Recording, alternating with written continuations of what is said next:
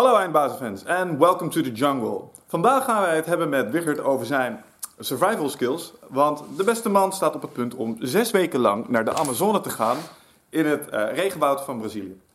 Het is de bedoeling dat Wichert daar uh, zes weken bij een lokale stam onder de hoede wordt genomen door uh, de shamaan. Om daar samen met hem een dieta te doen. En luisteraars van de show weten inmiddels dat een dieta een onderdeel is van nou ja, het ayahuasca-universum. Een onderwerp waar wij in de podcast uitgebreid over gesproken hebben. En um, Wichert gaat nu um, op reis naar de bron uh, waar ayahuasca vandaan komt. En uh, in deze podcast beschouwen wij eigenlijk voor op zijn reis alles wat daarbij komt kijken. Uh, alles wat hij ervan hoopt en verwacht te leren. En nou ja, hoe hij eigenlijk zo op het idee is gekomen om dit te gaan doen. Het is een interessante, heftige, maar ook emotionele podcast. Uh, waarbij we alle onderwerpen die ons fascineren eigenlijk ook wel weer raken. En we zijn heel benieuwd wat jullie ervan vinden. En wij wensen jullie veel kijkplezier. Dankjewel. Eindbazen wordt gesponsord door Nutrofit. De webshop voor natuurlijke voedingssupplementen en trainingsmaterialen die je helpen bij het verkrijgen van Total Human Optimization. Nutrofit is hofleverancier van merken zoals Onnit, Natural Stacks en Bulletproof Coffee. Probeer onze producten zonder risico door onze money back guarantee. Bezoek ons op www.nutrifit.nl. Bestel je voor 9 uur s avonds, dan zorgen wij dat jouw bestelling de volgende dag geleverd wordt.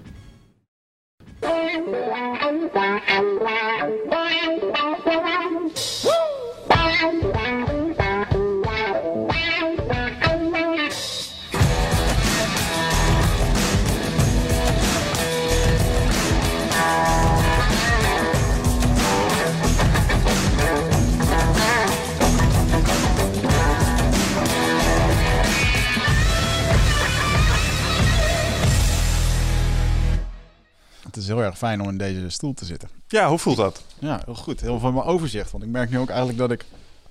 Ik hou wel om heel de ruimte te kunnen zien. Dat vind ik Ja. wel relaxed. En dat heb ik normaal niet waar ik zit. Nee. Jij hebt het wel. En deze stoel heeft dat ook. Ja, je hebt mensen in je rug potentieel ook, hè? Ja, Ja, dus dat het is een soort dan. van. eh, het is dan dat ik, dat ik naar de camera kan kijken en dat ik dan kan zien dat er niemand achter me staat. Ja, wat Maar, grappig. eh, ik moet, ja, dit is wel veel ruimtelijker. Als het, sterker nog, dit is mijn kantoor. ik zit voortaan hier. Screw you Als dit mijn kantoor zou zijn, ja, dat is mooi. Ah, we kunnen hier vaker zitten, dat weten we. Ja, leuk man. Ja, maar er is natuurlijk een reden dat jij vandaag op, eh, op de grote stoel mag, eh, mag gaan zitten. Ehm, Want, ehm, oh, we moeten natuurlijk wel even zorgen dat... Ja, natuurlijk. Ja, jongen. Sloop hem niet, hè? Nou, ik weet dat hij onlangs omlaag is gezet. Of omhoog is gezet voor de foto. You break it, you buy it. Oké. Dus. Maar ja, je mag eens een keertje zitten voor het bord. Nou ja, het voelt goed, dat hebben we al geconstateerd. Maar Ja. ja. ja, het heeft natuurlijk ook een reden ehm, dat je hier mag gaan zitten. Want eh, meneer heeft zich weer wat op de hals gehaald. Je hebt daartoe geleefd, jongen. Ja, wat gaan we doen, jongen? Ik eh, vertrek komende zondag om eh, voor zes weken lang eh, diep de Amazone in te gaan. Om daar bij een Indiaanstam te gaan leven. Voor zes weken. Zes weken lang. Ja. Dus Indianenstam. Het is op de grens van ehm, Peru en Brazilië. Oké. Eh, ik moet volgens mij drie vliegtuigen nemen, een boot en dan nog eh, een stukje lopen. Echt, echt, echt midden de Amazone. Ja, al met al ben ik drie, wel twee tot drie dagen bezig om daar te komen. Hoe heet deze stam? De Honey Queen. Honey, Honey Queen. Ja, Daar maar- hebben we jou eerder over horen kletsen, volgens Daar mij. heb ik eerder ayahuasca sessies mee gedaan met de shamanen van de Honey Queen. Hier in Ja. En dat betekent, eh Honey Queen betekent echte mensen. Real people. Hmm. En zij zijn ongeveer een gemeenschap van ongeveer eh, f- nou, kleine 40 dorpjes. Langs de rivier. Oké. In de Amazone. En dat zijn allemaal dorpjes met eh, ja, 150 mensen. Ongeveer tot, tot 300. Nee, volgens mij is het ongeveer 150 mensen per dorp. Dus echt hele kleine gemeenschappen. Hele kleine gemeenschappen. En het eerste beeld dat er natuurlijk bij mij en misschien bij de meeste luisteraars ook het hoofd in schiet is... eh, ik stel me dan direct eh, rieten hutjes voor. ja, dat is. Eh, een varken boven een vuur. mensen in rieten rokjes. Ehm, nou ja, eigenlijk nul tot nauwelijks aan technologie. ja. Ik ben altijd erg nieuwsgierig hoe dat daar werkelijk naar de wc gaan. maar ehm, dat is wat ik me erbij voorstel. Is dat ook wat ik mag verwachten? Dat is zeker wat je mag verwachten. Of is het stiekem ook al wel een beetje zo'n... Want je hebt natuurlijk heel veel retreats in eh, Peru en die jungles daar. Die zijn Mhm. ingericht op ayahuasca-toerisme. Ja. Dit klinkt niet als zoiets, want hier is... Nee, want dit, eh, dit is wel echt, echt weg van de bewoonde wereld. En natuurlijk zijn er ook wel mensen geweest eh, uit Europa die daar een tijd hebben gezeten. Ja.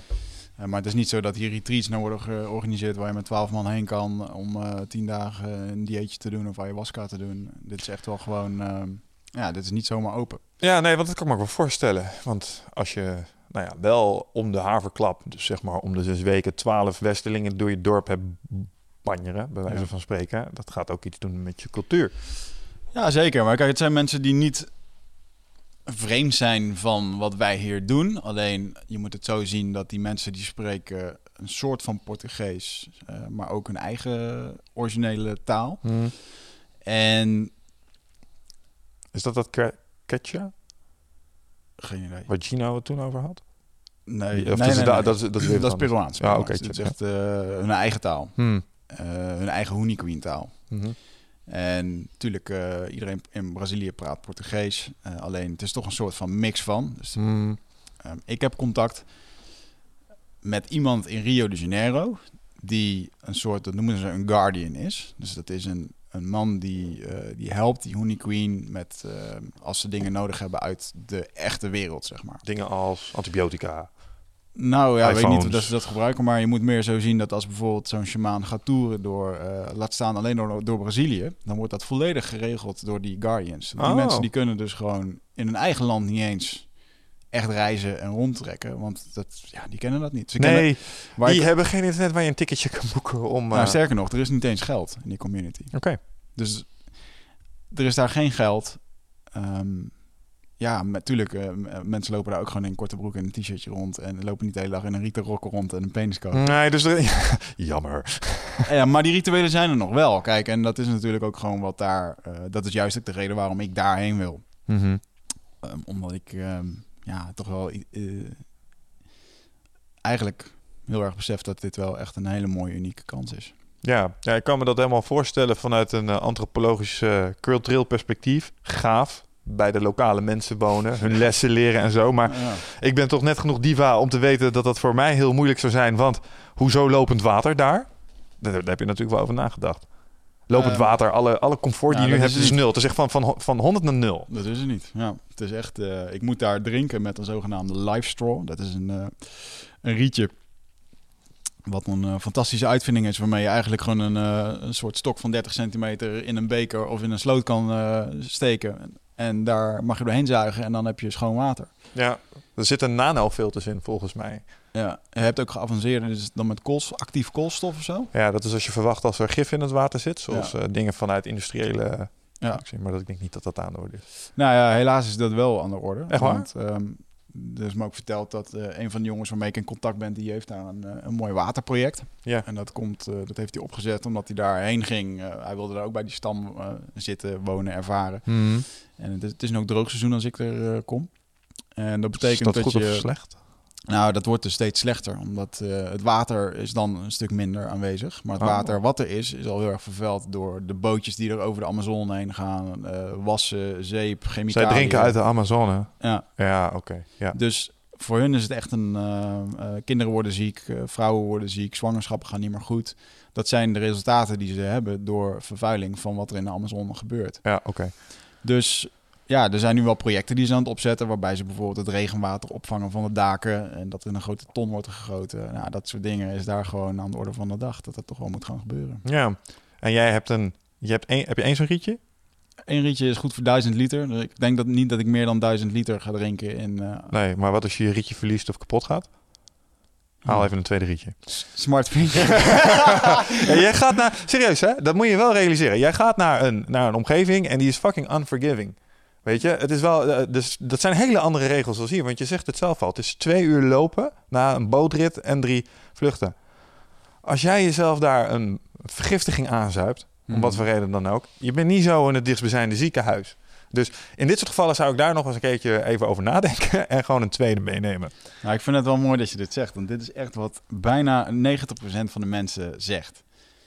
Eh, allemaal in de angst van, nou, wat als je dit hebt? Wat als je je benen verliest? Wat als je, ja, weet je. Ja, nou, ik zeg niet dat je je been verliest. Maar water Nee, maar- is redelijk bazaal. zeg Nee, maar joh, ik hoor de meest gekke dingen. Oh, een, een, eh, hoe noem je dat? Een blinde darmontsteking of een ding. Of eh, ja, ja. Nee, nee, nee, nee, nee. gebeuren. Maar dit is je. Dit is. ehm, kijk, jij kan in principe drie weken zonder eten als het moet.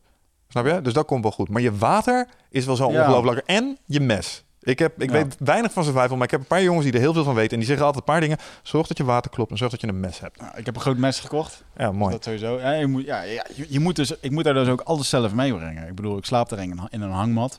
Ehm, ik, heb, ik heb wel gezorgd dat het een hangmat is, deluxe. Ja, ja, ja, ja, ja. ja. Maar Dit je hebt mooie oplossingen daarin dit, hoor, is zo'n, eh, dit is zo'n ding, daar hang je dus niet met je hoofd richting de boom, met je andere voeten richting de andere boom, maar hier hang je dwars. Ja. Dus dan kun je ook echt liggen. Ik ben namelijk een buikslaper en dat vind ik wel heel erg relaxed. En eh, die hangmat, die draagt je echt. Dan kan je liggend lekker op slapen. Dus ik dacht wel, als ik daar dan toch zes weken heen ga, dan ga ik er goed slapen. Verbaast me echt helemaal niks dat jij graag met je billen omhoog ligt. Ja, dat vind ik lekker. Klamboe? Eh, zit, aan de, zit eraan, zit eraan. En heb je een tondel? Wat is een tondel? Oh, nou kijk, ik had, eh, want ik wist niet zeker of je een mes had gehaald. Dus ik had bedacht, weet je wat, ik neem mijne mee. Die, die kun je dan meenemen. Kijk, dit, dit is hem. Ik heb een Gerber, dat is een eh, fucking goed merk. Ah, Oké. En ehm, je, je mag hem nog steeds meenemen als je wil. Ehm, want ik wil hem terug. Dus je moet wel terugkomen met dat ding. Oké, Eh, en anders moet ik hem komen halen. cool. Ja, en dat ga ik ook doen. Hè? Als ik jou na acht weken niet terugzie, dan Nee, kom ik je met een paar heen. vrienden van ons van Defensie, kom ik je daar halen uit die hut eh, waar Ja. je waarschijnlijk met de dochter van het stamhoofd aan ligt. Ja. Midden in de nacht. Wichert. Dat ik daar blijf. Ja, we gaan naar huis. Zak over de kop en eh, weer terug. Maar- of dat ik daar gewoon gedwongen word, gevangen word gehouden. Ja, dat zou kunnen. Dan komen we je redden. Dus ik, ik wil dit ding terug. Ehm, maar dit is een tondel. Kijk, dat is een magnesiumstaafje met een stukje ijzer. Dat Ja. kun je er, ehm, dit kun je gebruiken om er af te schrapen en dan kun je vuur mee maken. Doe eens. Ja, de, nou, hij zit vast aan mijn mes. Nog even. Kijk, dit is nou helemaal kut, Mick. Hoezo? Nou, als ik nu snel vuur had gewild, dan kon dat niet. Waarom zou je nu snel vuur hebben moeten Ja. willen? Nou ja. Vertel me dat eens. Om, eh, Om de predator af te schrikken. ja. Om eh, signalen te maken naar jullie. eh, Rooksignalen. Ik daar ja. ergens zit. Ik denk dat dat niet gaat werken. Ik denk dat je daar gewoon bereik voor nodig hebt. Maar in principe, je haalt dit er langs. Wow. En daar kun je vuur mee maken. En je kan er zelfs een beetje van afschrapen. En dat doe je dan in je tondel. Dat is Ja. vaak licht ontvlambaar materiaal. En dat leg je als een soort nestje onder je takken. Oh. En als je dat magnesium erin schraapt en je doet er vonk, dan gloeit het wel lang. Dan kun je aanblazen en dan dat je vuur. Cool. Dus deze krijg je dan sowieso mee. En Ja. als je al een goed mes hebt, neem deze mee, want ik wil hem van je terug. Dus Cool, die, krijg je bij deze van mij. Top. Alsjeblieft, jongen. Dankjewel. Als een ware sensei. eh, Inderdaad. dit, Nou ja, dit is, dit is ook mijn full extent van survival kennis. Dus eh, hierna moet je het gewoon echt zelf doen. eh. Ik ben natuurlijk onwijs geïnteresseerd in het mes. Ja, dat snap ik.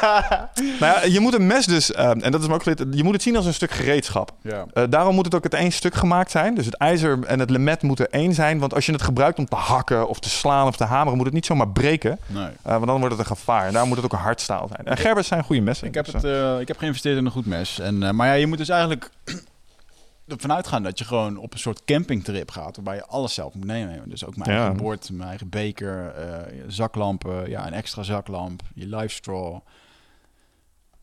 Ik ben de afgelopen weken eh, allemaal kleine dingetjes gaan halen om, eh, om daar te kunnen overleven. hè. hoe ga je dat doen met zeep en zo? Want ik, hoor je zeggen mijn eigen bord. Dan denk ik, moet je het ook afwassen?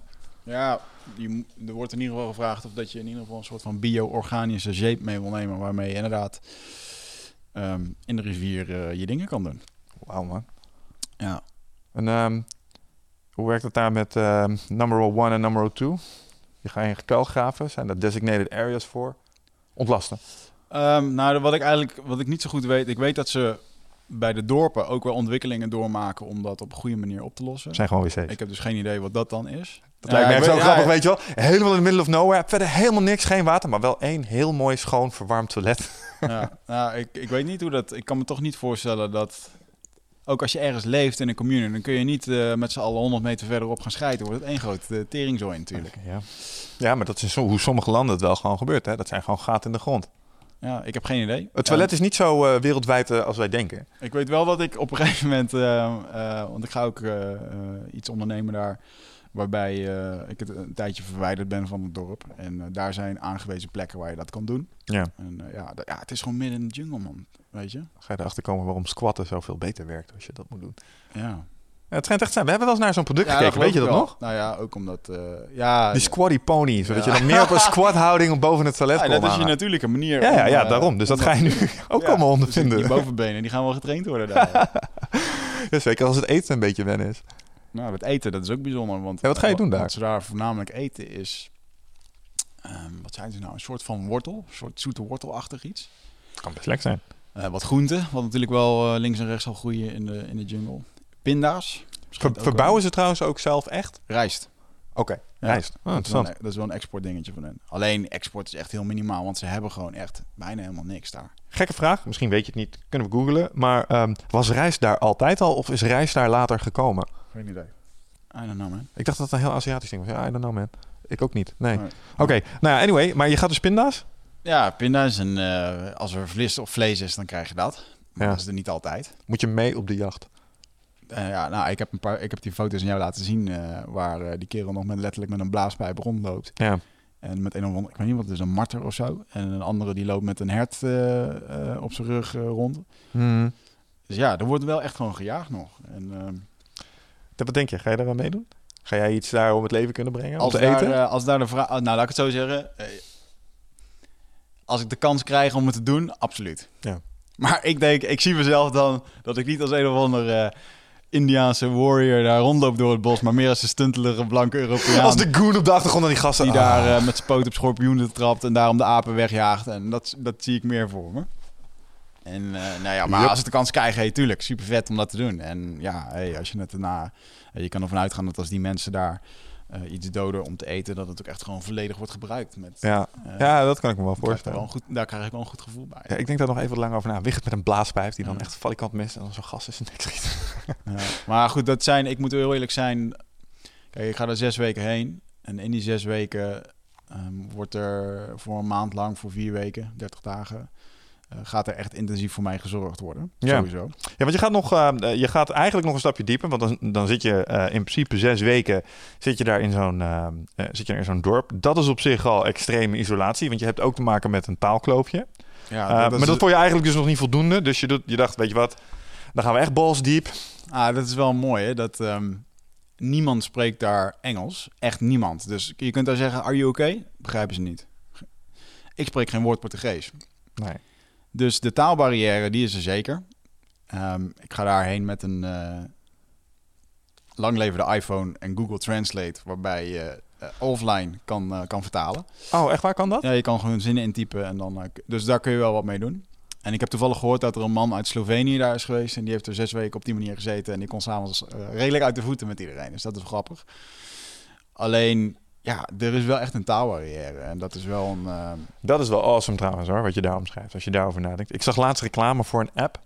Kun je tegen aankletsen en die vertaalt het dan naar een willekeurige taal. Ik snap dat je Ja. daar misschien wel een internetverbinding voor nodig hebt. Maar het feit dat dat ding nu kan gaan fungeren als een soort interface tussen jou en de lokale bevolking. ja. Gewoon een Nou, universal kan translator. Dat Google Translate kan dat dus. Ja. Alleen, ja, daar is geen verbinding, want telefoons werken daar gewoon niet. Mm. Eh, dus je moet het doen met offline. Dus het is gewoon woorden zoeken. En, eh, ja, ik ben ja, ook- maar toch. Het is gaaf. Ik ben trouwens ook bezig met eh, de Tim Ferriss manier om een taal te leren. Dus probeer er geen perfectionist in te worden. Maar ik heb 300 woorden die het meest gesproken zijn. Die Ja. vertaal ik. En dan heb je een stuk of zes zinnen met ik ben, jij hebt. Zodat je al die dingen zo kan invullen als het ware. Ja, dat is eigenlijk super cool als je daarover nadenkt. Hè? Ja, Wat, wat, wat Tim daar zegt is dat eh, elke taal in een, eh, ja, ongeveer een lijst van 150 tot 200 woorden, als je die beheerst, dan kun je in 80% van de gevallen kun je jezelf ja, redden. Ja, ja, Fucking awesome. ja. Ja. Dus dat is wel heel... eh, Maar jij hebt die lijst nu. Ik ben, eh, nou, ik, ik ga lekker aan de slag met die lijst. Ik heb die lijst, ik heb die lijst inderdaad uitgeprint. Ik moet hem nog vertalen. Ze zijn standaard te vinden voor bijvoorbeeld Portugees of eh, een andere taal. Is dat zo? Ja, nee, dat vraag ik. Oh nee, nee. Ik heb Oh, gewoon ja, Tim's een lijst ge- eh, gedownload volgens mij ooit een keertje. Voor Spaans heb ik dat toen gedaan. Dus ik moet dat nu gewoon in Portugees. ja, ja, Ik heb een, een boekje gekocht waar een hele hoop woorden in staan. En, ja, en verder ben ik er ook heel erg makkelijk in. Ik weet gewoon dat daar... ehm, Man, als ik dit eerder had geweten, hè, dan, ehm, dat me dat nu pas te binnen schiet. Ehm, misschien kan het nog. Je hebt nog een paar dagen. Eh Duolingo. eh, die heb ik op mijn app. Oh, dat doe je. Ja, dat is echt een perfecte Oh, tool om talen te leren. Ja, tuurlijk, dat kan je wel doen. Maar uiteindelijk- lesjes. Gewoon online lesjes. Ja, weet je, maar uiteindelijk ga ik daar gewoon heen. Eh, ik vind het ook wel mooi om daar gewoon lekker blanco in te gaan. Ja, is En- ook zo. Ja, ik, vind dat, ik, ik voel me daar totaal niet oncomfortabel bij. Ehm, ja, Nee, kan ik me ook wel voorstellen. En je gaat je daar ook wel redden. En je gaat je daar wel verstaan. het is handen en voeten, man. En ik heb daar een... er gaat wel iemand met mij mee de eerste twee weken. Die is daar aanwezig. Ehm, omdat om daar te komen in dat dorp is dat wel echt best wel pittig in je eentje. Zeker als er Ja. niemand eh, Portugees spreekt. Ehm, dus ik heb eh, een, een andere eh, Guardian gevonden. Zo- Dat is ook een, een dame die in Rio woont, die daar ook een hoop doet met projecten en zo. Mhm. En via, via, via heb ik toch geregeld dat zij voor twee weken meegaat. Om de vertaling te doen. Want ik moet daar eh, naast de avonturen die ik zelf ga doen, moet ik daar ook nog even wat andere dingen eh, regelen. Zullen we zo meteen wel even over hebben. Eh, maar ook om inderdaad met kleine mini-vliegtuigjes met propeller dingetjes op bij het juiste startje te komen. Om vervolgens met een bootje erheen te gaan. En ja, je, je moet wel een soort van uitgenodigd zijn om daar te kunnen komen. En dat was best wel een ding om daar. Ja, wat, wat, vertel eens hoe dat ging. Want ik heb dat Kom natuurlijk wel een klein beetje vanaf de zijlijn mogen aanschouwen. Dat het best nog wel een hoofdpijn dingetje is om daar zomaar even dat ter- eh, ja, territorium binnen te mogen. Ja, ja, ja. ja. ja dan moet ik eigenlijk teruggaan naar een ehm, paar jaar terug. Eh, toen had ik een keer, twee jaar terug volgens mij, en volgens mij heb ik dat ook wel eens verteld in de podcast, dat ik nog wel eens een keertje bezig wilde gaan met een eh, project omtrent ayahuasca. Ik heb ooit een keertje in een ayahuasca-sessie, toen ging het erover ja, wat ik hoe ik dat op een mooie manier kon verspreiden. Ik vond het mooi om die kennis te verspreiden. Ik wilde daar wat mee doen. Eh, moest dat nou via een eindbazen of ding? Ik weet niet meer exact wat het was. Maar op een gegeven moment zag ik het wel helemaal voor me. En het ging toen toevallig die avond helemaal over mijn... eh, eh, of een van die avonden ging over mijn wedstrijden in jiu-jitsu. Hmm. Toen was ik nog actief wedstrijdvechter. En op een gegeven moment, ik had gewoon onwijs, onwijs veel moeite met mentale blokkades. Met jezelf helemaal gek maken voor een wedstrijd. Eh, Hmm. wel hard trainen, maar het dan niet uit kunnen laten komen in een wedstrijd. En dus, daar zat ik wat mee. Dus daar heeft het een hele avond over gedraaid. Toen eh, was ik ook bij een eh Honey Queen, bij het opper, opperhoofd van de Honey Queen. Sia Banet heet hij. Mooi man, van, echt gewoon een grote, reusachtige kerel van 100 kilo. Hmm. En die is de spiritueel leider van de Honey Queen. Hm. En heeft ook een politieke functie. Eh, is heel erg actief tegen het vechten, tegen uh, olieraffinaderijen in de Amazon en zo. Een bijzondere man. En ehm, de volgende dag dan doe je natuurlijk je sharings. Je- mag dat allemaal delen, je verhalen. En ik deelde dat. En dat, eh, het werd vertaald door de vertaler als luta livre. Wat het vrije gevecht betekent. Ja, dat kennen wij natuurlijk. En uh, luta livre is een afscheiding van, van jiu-jitsu, maar wel wat... eh, in Brazilië wordt het wat, als wat agressiever gezien. Eh, echt het straatvechten, zeg maar. Zonder, Beetje eh, valetudo. ja. ja. en ehm, toen hij dat hoorde, toen eh, moest hij echt onwijs hard lachen. Hij zei, je bent hartstikke gek man dat je dat doet. En toen hadden we er gewoon wat lol over. En hij zei, nou weet je wat? Hij zegt, kom een keertje naar de Amazone toe. Dan leer jij jouw wijsheid aan onze kinderen. En leren wij jou, jouw wij- leren wij jou onze wijsheid. ja, vet. En we lachten daar wat om. En ik dacht, ja, dat is prima, het zal wel, weet je. En ehm, een jaar later zat ik weer een keer in een ayahuasca-sessie. Wederom weer met Honey Queen. En Het zijn wel een beetje je het- voorkeursleveranciers, hè? ja, nou ja, dat is dus wel een ding. Ja, ik, eh, eh, voor, mij, voor mij, ik heb een hele fijne connectie met hun. Hmm. En dat heeft wel een aantal redenen. Ehm, maar goed, dat, dat maakt even niet uit, komen we straks Mhm. even op. Even terug naar dat verhaal. Toen op een gegeven moment, een jaar later, zat ik weer een keer in een ayahuasca-sessie... en toen kreeg ik in één keer gewoon een visioen over... joh, jij gaat naar de Amazone toe. En waarom maak je niet gewoon een documentaire over dat jij eh, daar naartoe gaat? Wat ayahuasca je allemaal heeft gebracht. Ja. En eh hou Sia aan die deal dat jij daar jiu les gaat geven aan die kleine Indiaanse kinderen. Ja. En eh, toen, dacht, toen zag ik dat in één keer helemaal voor me. Eh, nou is het ook nog zo dat een van mijn, een van, van mijn Braziliaanse vrienden, die ik daar ook heb leren kennen, die ken ik eigenlijk al langer toen ik schreef voor bladen. En, eh Hywel Teague heet hij. Ehm dat is een reporter voor ESPN en heeft een hele hoop gedaan omtrent uh, UFC, MMA en Hmm. toffe dingen allemaal. Maakt ook veel documentaires. Had toen zijn eigen BJ-kanaal op YouTube. Met duizenden volgers. En eh, in één keer viel dat helemaal op zijn plek. Van, ja, hij woont daar in Brazilië, hij spreekt de taal. En waarom ga je niet gewoon met hem ermee? Hij heeft een platform, dan kunnen jullie dat samen maken. Dus ik Ja. heb vervolgens eh, hem ges- gesproken, geskyped. En daar is nog een keertje in Amsterdam geweest. En toen heb ik hem gewoon gezegd van, joh, luister... eh, ik wil hier gewoon graag een documentaire over maken. Omdat ik van mening ben dat ehm, ik een heel ander publiek kan raken... dan dat ik tegenwoordig zie waar documentaires op bedoeld zijn. Dat het toch allemaal Hmm. wat- soms wat zweverig of Als het Als gaat daar- om ayahuasca-documentaires ja, ja, en ik zou wel heel graag willen laten zien dat het mij onwijs heeft geholpen in, in mijn ondernemen. Maar ook Mhm. in eh, het stoere sporten wat ik dan deed. En met mijn wedstrijden en eh, vriendschappen en dingen. En eigenlijk is er heel veel synergie tussen eh, het Braziliaanse jiu-jitsu, waarbij je echt tot het naadje gaat. Je moet altijd openstaan om te leren. Er is geen plek voor ego, omdat het wordt gewoon direct gecrushed in de. Hmm. En die saamhorigheid, dat is iets wat ook heel erg heerst. eh, vaak nadat mensen een ayahuasca-sessie heeft gedaan. Ja. Dus ik vond dat een hele mooie combi. Van, nou, als je, en als je het dan wil over een, eh, hoe kun je nou mensen bereiken. Nou ja, ik heb daar wel redelijk eh, ik kan dan wel wat mensen mee bereiken, denk ik, als mensen dat op die Ja, manier doen. En tuurlijk. een hele leuke twist vind ik. dat ik daar gewoon iets les kan geven van die kleine indiaatjes. Neem hem van die pakken mee. Dat wordt één groot, ja, mooi, eh, mooi spel voor die kinderen. Om Ja. dat te doen en dat te ervaren. En gewoon lol maken samen en lachen. En ja, om vervolgens ook de stap te maken om te zeggen van... joh, dit is de wijsheid die ze daar hebben. En dat willen we graag uitdragen. Ehm, en dit is wat jullie ermee kunnen doen. Ja, mooi man. Maar hoe verhoudt zich dat? eh, Is dat nu iets wat je nu direct al kan oppakken, die documentaire? Want dat was ook nog wel Nou een ja, eh, dat is dus op paar een gegeven dingetjes. moment- toen heb ik ook nog wel een keertje gezegd van... weet je, als ik straks een van mijn bedrijven verkoop... dan wil ik een tijdje... De, ga ik ergens in isolatie. Mhm. Ook in jungle, dat heb ik al vaker geroepen, ook in de podcast. En, eh, maar ja, het is natuurlijk best wel een ding om dat allemaal te organiseren. Ehm, in het begin, iedereen eh, is altijd heel erg enthousiast van... ja, willen we helpen, willen we helpen. En was vervolgens, nou oké, kom op, dan gaan we nu naar de Amazon. En dan was het van, ja, maar ja, dan wist toch niemand echt precies wat ze er allemaal mee moesten. En even een documentaire schieten, dat is toch wel wat werk. Dus ik heb wel gewoon dat goed uitgewerkt. En ja, dan, eh, dan ligt dat gewoon vervolgens een tijdje stil. En toen kreeg ik eh, eh, mijn avontuur van vorig jaar, waarbij ik een burn-out had. Toen ging Mhm. ik een beetje dat proces in. En eigenlijk zijn we toen een beetje ge- gebleven bij de laatste ayahuasca-sessie met, met Gino toen, waar we Mhm. toen wat hebben verteld. Daarna heb ik er ook eigenlijk niet meer over gesproken in, in de podcast. Nee, tot we Gino weer over de vloer hadden. Ja, maar ook nog niet echt inderdaad. Dat was wel een heftige periode voor mij. Omdat als je er terugkijkt naar die podcast, dan vertel ik in dat ik daar een meisje had leren kennen. Wat, eh, ja, daar was ik wel gek op. Je hebt nu over ze- 26. Hm? Die ceremonie die we samen hadden gedaan. Ja, ja, ja. En ehm,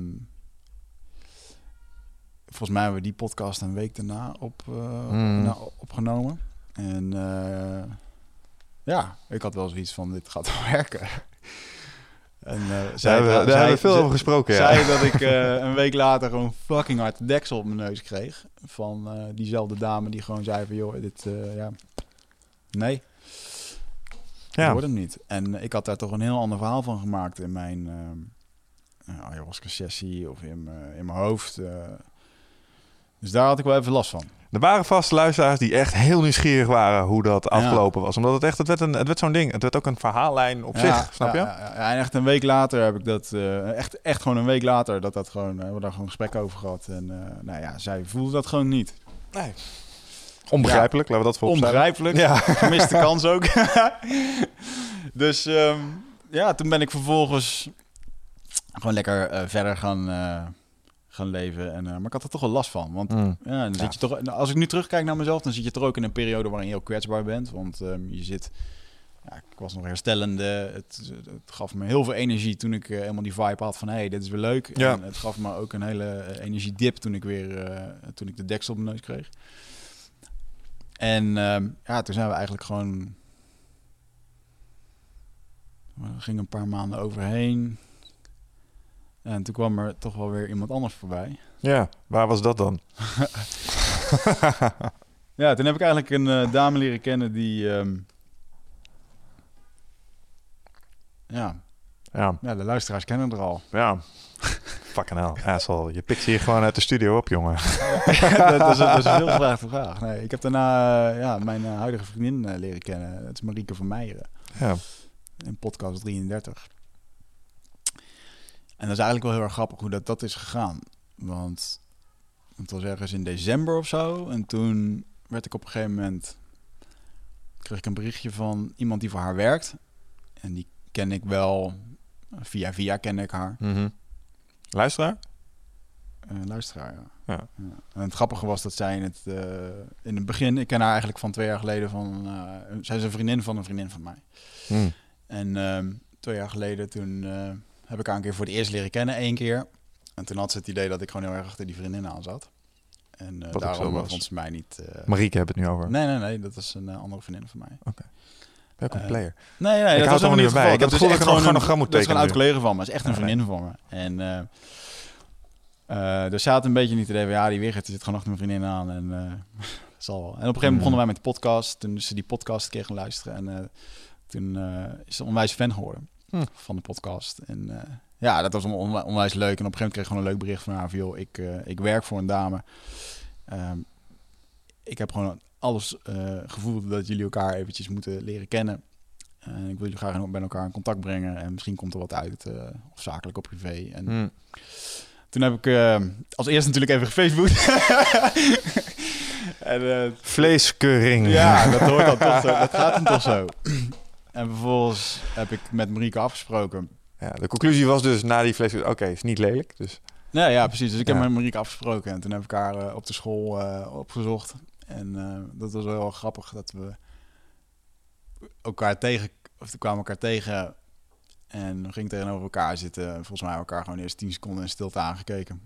En toen zei ik van, joh, ik zeg, ik heb echt geen idee wat ik hier op deze school doe. Behalve dat Sanja graag wilde dat wij elkaar leerden kennen. mm, Ehm, en dat voelde wel goed, dus daarom ben ik hier. En zij zei, nou, dat geldt ook voor mij.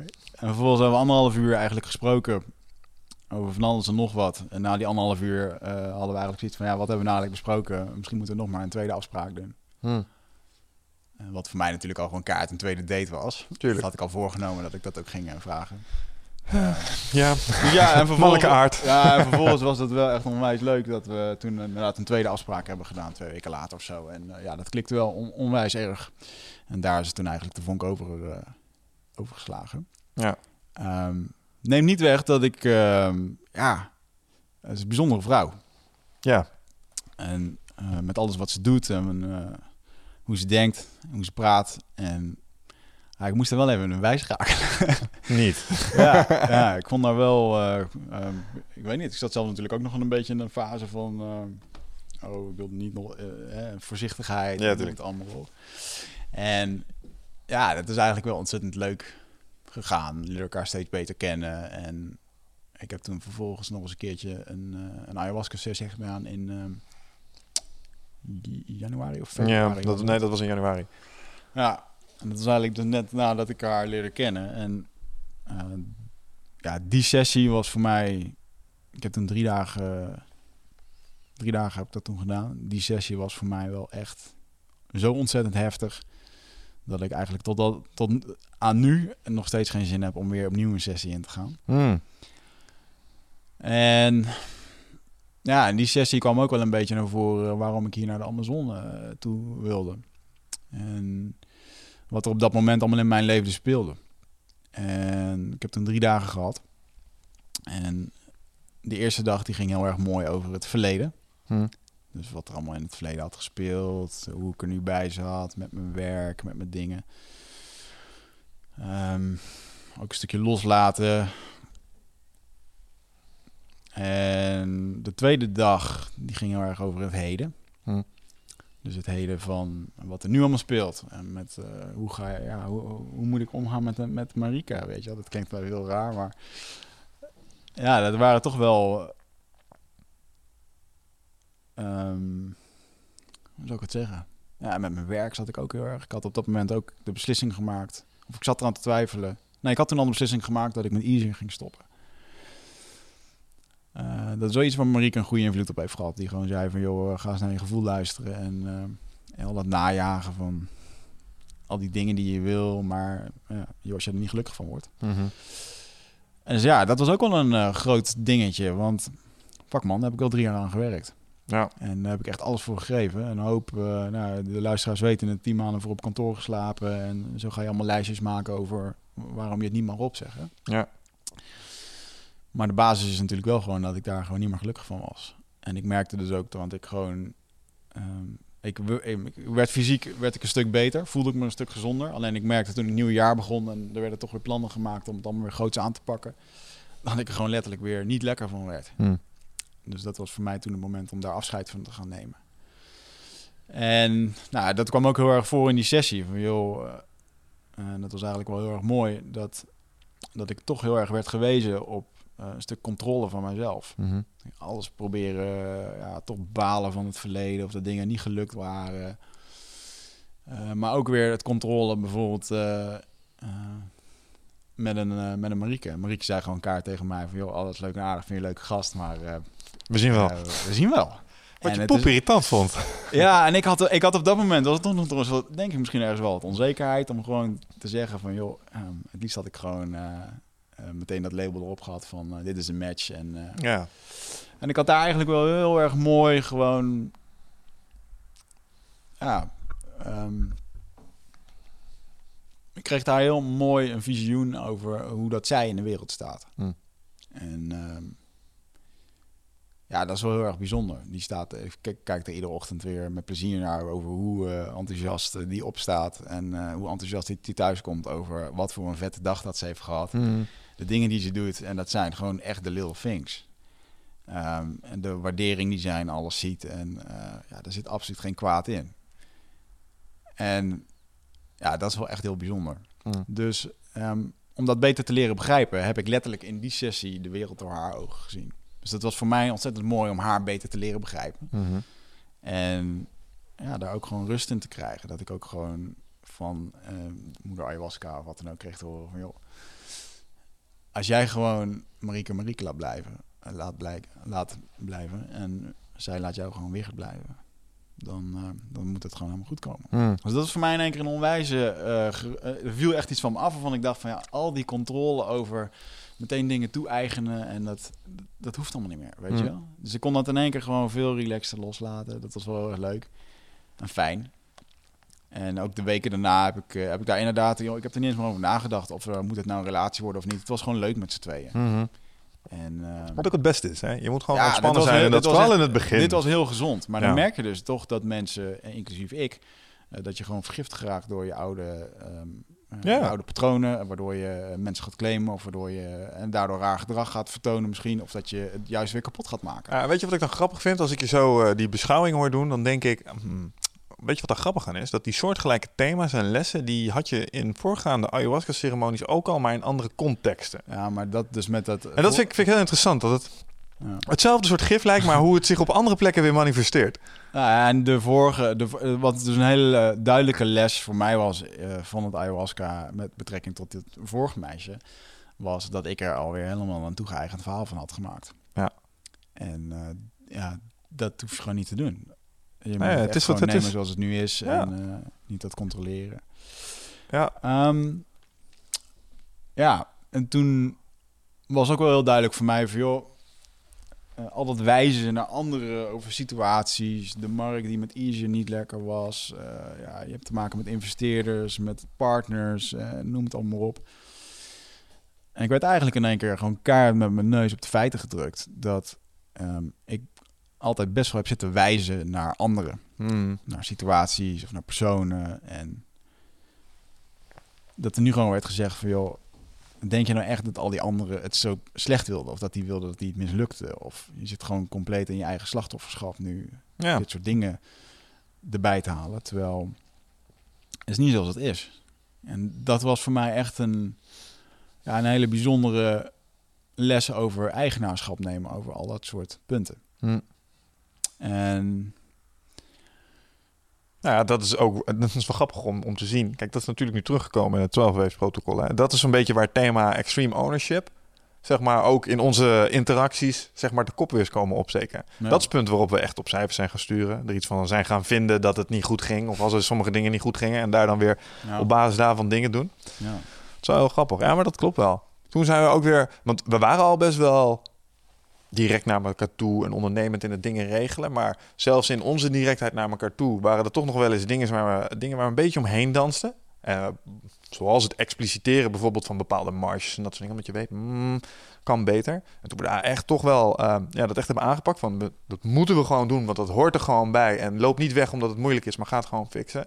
Ja, moet je kijken wat dat voor een effect heeft gehad op ons bedrijfsresultaat alleen al. Ja. Dus dat is echt heel mooi. En dat heeft natuurlijk ook betrekking gehad op je privéleven en dat soort dingen. Maar Ja. ja, dat kwam toen heel duidelijk eh, ineens als soort eh, extra verfijning kwam dat, eh, kwam dat daarbij op. Ja. Ah, dus dat was wel, dat ging heel veel over het, wat er nu allemaal speelde. En ook, ja, gewoon de afronding van een easier. Ik zat toen natuurlijk nog met een stukje financiële afhandeling. Hoe gaan we dit doen? Mm. Ja, ook een hoop onzekerheid, wat er gaat komen in de toekomst. En het was wel mooi dat, zoals dat ayahuasca je dan ook kan vertellen van, joh, weer het... eh, de eerste dag gaat het over het verleden, dingen laten rusten. Morgen gaat het over wat er nu allemaal speelt. En daarna gaan we het hebben over wat er in de toekomst allemaal gaat gebeuren. Hm. Dus dat was de, de derde dag. En ehm, Ja, dat was wel echt een hele heftige afsluiter. In de zin dat... Nou, ik ging die sessie in. Ja, vertel dat eens eventjes. vertel eens even wat. Je kan een ayahuasca-ceremonie doen. En dan drink je wat thee. Maar je kan ook een ayahuasca-ceremonie doen. En dan Mm. doe je alle dingen die jij eh, toen eh, Ja, gewoon Ja. echt gedaan hebt. Nou ja, dit, eh, ik heb toen... Op een gegeven moment merkte ik dat ik in, in die ayahuasca-sessie... merkte ik dat ik... ehm, ehm, het ging nog steeds ook over het feit dat ik Marieke wat beter wilde leren kennen. Hmm. Marieke die is wel erg... Die is hooggevoelig. En ehm, ja, dat verbaasde mij af en toe hoe dat zij... eh, nou, als het ware mijn gedachten kon lezen of gewoon precies aanvoelde hoe ik me op dat moment voelde. Mm. Of, eh, of precies gewoon eh, ja, pijnpunten kon aanwijzen zonder ook maar even gesproken te hebben. En dat is ook heel de reden waarom het gewoon eh, succesvol met haar school gaat. Omdat ze dat gewoon puur op, op de gevoel doet en op de, ja, wat het dan ook is. Mhm. Ehm, dus op een gegeven moment, ik zat daar in die sessie en ik merkte dat ik ja, onwijs gevoelig werd. Dat ik eh, op een gegeven moment moest even gaan staan. Moest, eh, eh, voor die ceremonie moest even wat gebeuren of zo. En ik eh, we moesten elkaars handen vastpakken. En ik merkte dat ene hand ijskoud was en de andere die was hartstikke warm. En dat, dat viel me gewoon op. Ik denk, Mhm. Normaal waarom valt dat niet op? En ook met mijn voeten en zo. Toen ik over... eh, ik stond op één matje. Dat was echt ijskoud. En die andere die was gewoon normaal. En alsof ik gewoon helemaal... Als ik te veel cafeïne had. En helemaal eh, Mm. een soort van jittered was. Van, eh, ik zat niet lekker in mijn vel. En ja, dat werd eigenlijk alleen maar heftiger. En ik merkte dat ik op een gegeven moment ook gewoon... Ik zag dingen over de muur heen vliegen, schaduwen, dingen. En ik merkte ook echt dat ik angst geraakte. Mhm. Dus echt gewoon... Ja, ik heb, ben, ben vaak angstig geweest in ayahuasca-sessies. Ja, Maar dit was anders. oké. Waarbij ik echt ehm, op een gegeven moment... ehm, ja, wel echt in een van die visioenen... De, de, echt letterlijk de grootsheid van het universum heb mogen ervaren. Mhm. En dat werd in de, getoond in de, in de gedaante van een eh, soort godin-achtig iets. Mhm. En dat was zo super eng dat ik daar. ehm, ja, dat werd gewoon getoond. Een soort van me, een soort, soort vormen. En ik, ik merkte gewoon echt dat dat, dat, dat was zo'n grootste kracht. Dat, dat, dat kon ik helemaal niet aan. Dat was Mhm. echt veel te veel. En dat ik echt wow, zo zat. En dat heeft er echt wel zo'n indruk achter gemaakt dat ik echt gewoon letterlijk in mijn hoekje zat. Ik zat op mijn op een squat of waar ze op mijn hurken zat ik en ik, eh, ik zat echt gewoon met mijn eh, met mijn arm gewoon zo eh, ter bescherming van met mijn capuchon over mijn ding gewoon een soort van angstig in een hoekje. Ja, dat is echt niet gebeurd eerder in een ayahuasca sessie. Wat, wat was er zo... zo, zo ehm, wat was het beangstigende daar? Ja, dat was, er was niks. Het was gewoon dat dat er was. Het was een soort van eh, eh, alsof het de bron van het universum was. Hmm, Pure liefde en echt zo super intens dat mijn hoofd er bijna vanuit elkaar klapte. Ja. Ik kon daar helemaal niks mee. Het was gewoon te intens en te Ja. eh, kristalheldere planeet die helemaal fel li- wit licht was en dan ja en dat ik daar steeds dichter naartoe ging, maar dat op een gegeven moment ik kon het gewoon niet. Ik moest er gewoon van weg. Alsof je in de zon getrokken wordt Ja, of zo. Dat, ja. was, dat was een goede, goede vergelijking. Maar dan echt hel fit, hels wit licht. Wel puur mooie liefde, maar zo intens. Ja, daar kreeg ik gewoon hartkloppingen van op dat moment. Weet je, was, was gewoon niet relaxed. Was dit trouwens, want eh, ik, ik- ja, nee, nee, ga verder. Sorry. En ehm, dus dat was sowieso een hele heftige. En ik merkte ook dat ik eh, op een gegeven moment, nou, je gaat dan van hoofdstuk, hoofdstuk naar hoofdstuk. En op een gegeven moment merkte ik ook dat ik ja, gewoon ontzettend gevoelig werd. En dat ik op een gegeven moment naar eh, mensen keek die voorbij liepen. En waar ik in één keer hun gezicht zag veranderen. Ehm, als ik me even concentreerde op mensen, dan voelde ik gewoon wat zij op dat moment meemaakten. En dan moet je je Mhm. voorstellen, liggen daar 30 man te kotsen en te... Ja, ja, ja, dus dus dat dat was een eh, achtbaan. was een, een heftig eh, achtbaantje. En toen werd op een gegeven moment ook gewoon verteld van... joh, Wigert, je bent nu gewoon... eh, je, krijgt, je maakt nu alle stadia van hooggevoeligheid door. En ik, ik zat op een gegeven moment... keek ik gewoon naar mensen waarbij ik inderdaad hun gezicht zag veranderen. Ik zag in één keer dode mensen voorbij komen, geesten op de muur. Ik krijg nu nog kippenvel van als ik het over heb trouwens. Maar Ja. Ehm, ja, gewoon zo ontzettend mega intens. En ik merkte dus dat het een hoog, alle soorten hooggevoeligheid, dus ehm, helderhorendheid, ehm, eh, dode mensen zien of eh, energie zien, dingen voelen. Mhm. En op een gegeven moment, eh, ja, dat werd echt gewoon zo heftig dat ik gewoon, ik kon daar niet meer van genieten. Ik heb, ik heb op een gegeven moment is de shaman ook apart bij mij gekomen om me dan te helpen in mijn proces, waarbij ik gewoon echt helemaal niks meer kon.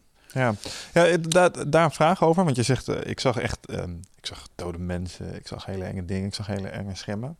Nou, nu kan ik eindelijk eh, hè, sindsdien ook zelf een klein beetje meespreken eruit, hoewel ik het niet zo heftig heb ervaren. Maar ergens zit ik dan nog steeds wel in een bel en denk ik, ja, maar ik heb iets gehad en ik weet wat hier gebeurt. Ik, ben, ik heb ayahuasca genomen en daarom zie ik dit. Ehm, kun, kun je, had je op dat moment dat besef nog? Of dacht je echt van holy fucking shit, Ja, het is door de bel heen gebroken of Nee, zo? Ik had wel, eh, ik had wel beseft dat, eh, dat je onder invloed van iets bent. Maar goed, je weet hoe realistisch het kan zijn. Ja, daarom. En ja, ik vond het wel een van de heftigste. Ja, ik had het niet eerder meegemaakt, man. Het was mijn 23e sessie. En holy fuck, dit was echt niks vergeleken met alle andere die ik heb gedaan. En dat heb ik al vaker geroepen. Maar Ja, Ehm, ja. goed, je reist natuurlijk ook gewoon iedere keer dieper. En, ehm, en op een gegeven moment toen ben ik naar... ehm, eh, wat is er nog meer gebeurd? Ja, op een gegeven moment kreeg ik ook nog... Uh, Marieke heeft, eh, heeft een tijd een, eh, een, een depressie gehad. Daar, Mm. Daaruit is ze eigenlijk ook weer opgestaan. Mhm. En op een gegeven moment eh, ehm, mocht ik ook nog eventjes in het allerdiepste punt van haar depressie zitten. Mm. Dus ik heb echt ervaren hoe zij zich op dat moment heeft gevoeld eh, om haar beter te leren begrijpen. En dus ik kreeg daar ook, eh, ja, natuurlijk achteraf is dat mooi hè, dat je daar een, een soort van aan kan voelen. En het, eh, ja, mooi om te zien waar iemand vandaan komt en ja, om een beter begrip over iemand te krijgen. Was dat herkenbaar voor jou, dat gevoel van depressie? Is dat iets wat je zelf wel eens had ervaren of was het alien voor je? Ik, ehm, ik, ik ben nooit. Ik heb wel klote tijden gehad en ik heb me niet ehm, soms wel eens minder lekker gevoeld. Ja. Maar eh, ik ben nooit depressief geweest. Nee, want dat, dat vind ik... ehm, wat ik hier mooi aan vind, is omdat... Zo ken ik jou ook niet. Ik vind, je bent niet iemand die bij de pakken gaat neerzetten. Oh, het gaat niet lekker. Nou, fuck het, knokken we nog iets harder. is ook je valkuil, maar daar hebben we het wel eens over gehad. Ik kan wel bitchen en kan wel ontevreden zijn. Hoor. Ja, maar je bent niet iemand die, die eh, structureel... "Uh, het komt allemaal niet meer goed, weet je wel. Nee, nee, Nee. we gaan er wel voor. We gaan in oplossingen denken. En ehm, ik heb dat zelf ook wel. En ik vind het heel moeilijk inderdaad om me soms in te leven in mensen die wel omschrijven dat ze die constante grauwe gevoelens hebben en alles heel neerslachtig zien. En dat is een, stuk perspectief is dat. Daar hebben we het in andere podcasts ook, over gehad. Maar ik kan me voorstellen dat het voor jou heel verhelderend is om dat gewoon eens een keer te voelen. Ja, ja dat, eh, dat was het ook. Het was niet fijn om dat te voelen. Maar het was wel heel erg fijn om, ehm, ja, om dat van je, eh, van, eh, van je partner een keer mee te maken. Mhm. Om te weten waar iemand is geweest. En Ja. daar een stuk inlevingsvermogen op te krijgen. Ehm, ah, op een gegeven moment uh, het werd wel steeds erger en zo. En ik, ik, had, ik had het niet naar mijn zin. Ik had echt uh, het idee van als dit nog, nu gaat duren, nog langer gaat duren dan... Uh, mm. dus op een gegeven moment ben ik naar Isha gegaan, naar die shamaan. Dat is een man van 45. Een hele, ja, hele bijzondere kerel. Dat is ook de man waar ik nu heen ga. Ja. En toen ging ik daarheen voor rappé, wat dan het as is wat, in, wat ze in je neus blazen.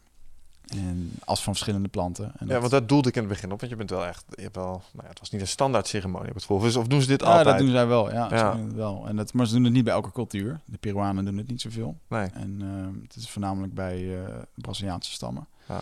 Dit was ook gewoon weer in het licht, hè? Hm? Dit was gewoon weer in licht met vuur. En... Nee, ja, licht. Het is wel gewoon donker, maar er staan kaarsen in het midden en dat Ja. soort dingen. Dus um, het is niet dat je... Nee, het is wel donker, ja. Maar ja, op een gegeven moment ging ik daarheen en vroeg ik om uh, rappen en ik ging tegenover hem zitten. En ja, alsof er een machine mij overnam waarbij ik gewoon echt niks kon. En ik hoorde alleen maar een stem.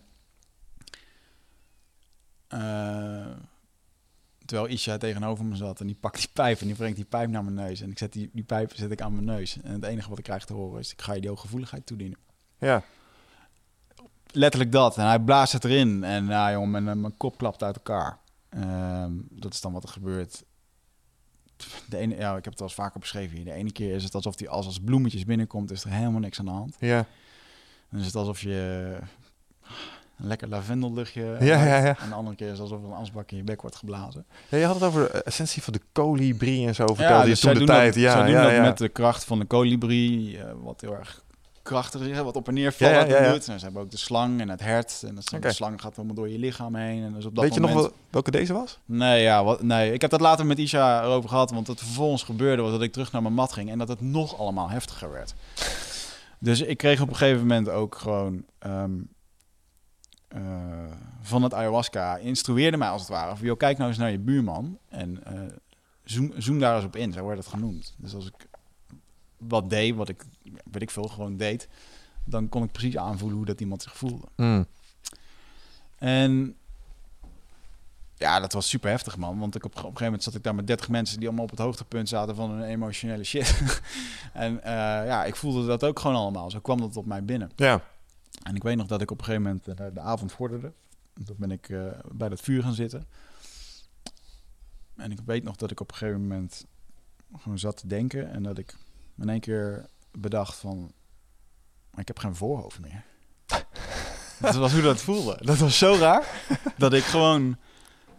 Ik had geen gedachten meer, geen rare kludder of dingetjes of wat dan ook. En op een gegeven moment zie ik mezelf als het ware alsof er een camera in mijn gezicht zat die in één keer 15 of 20 centimeter eruit kwam. Mm. Dus ik zag mezelf zo zitten. En ik zie in één keer een complete eh, de, de laag van mijn gezicht, van heel mijn, eh, heel- eigenlijk ja, de voorste, gewoon mijn huid. Hmm. Die viel zo in één keer in allemaal kleine balletjes van me af. Dus duizenden kleine balletjes gewoon zo over de vloer. En ja, dat is dan een. eh, mensen beschrijven dat wel vaker, hè, dat je een, ehm, een dood kan sterven in, in Ja, ja. ayahuasca. Nou, zo voelde dat op dat moment ook. Maar ik weet nog dat ik daar helemaal helder zat en dat ik gewoon helemaal bedacht van, joh, helemaal, er is, dat, omdat er geen voorhoofd zit, er zijn helemaal geen gedachten, geen storm, geen, eh, geen paniek, geen angst of dingen. Ik zat Mm. gewoon helemaal als een observeerder, kon ik daar gewoon de boel bekijken. Het was een intense rust wat ik daar voelde.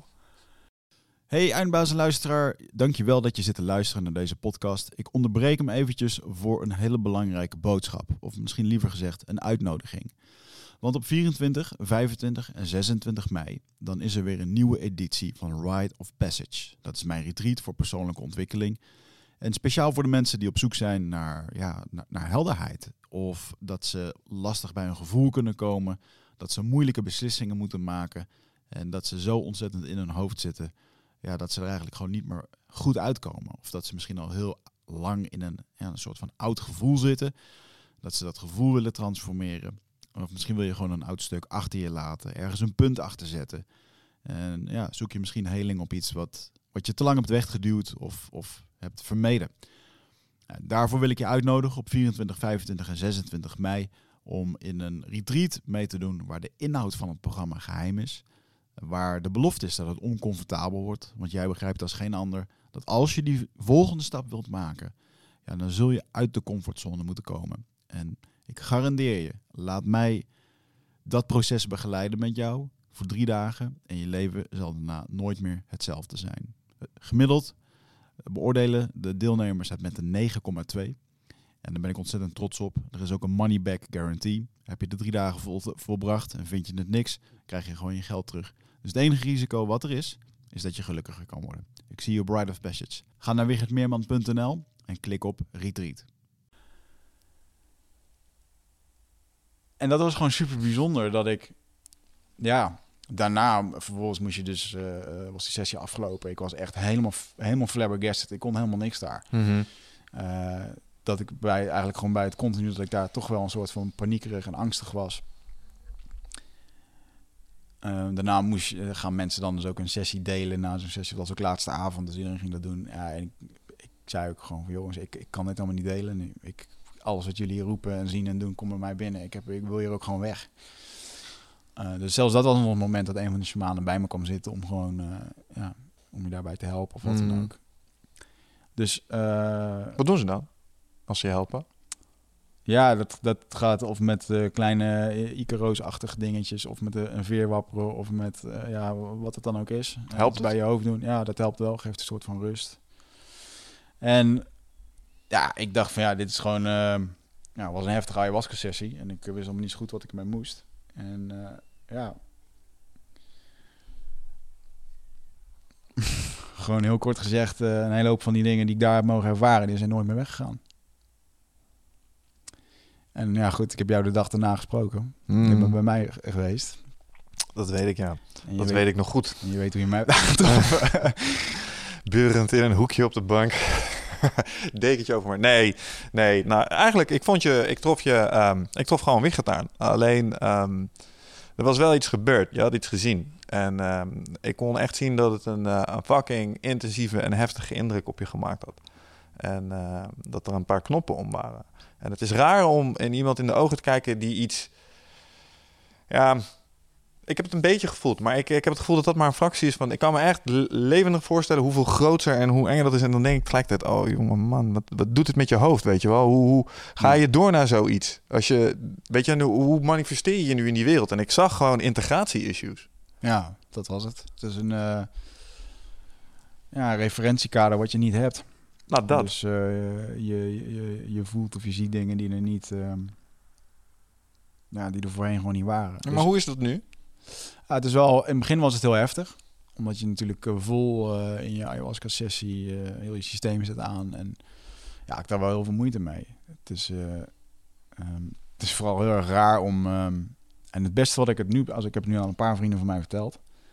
Maar het beste wat ik nu kan beschrijven... ehm, we hebben allemaal eh, van die types in onze omgeving... dat als die binnen... Als er iemand in de, in de kamer komt... dan Mhm. weet je meteen of dat het zonneschijn is of, eh, of dat het onweer wordt. Ja.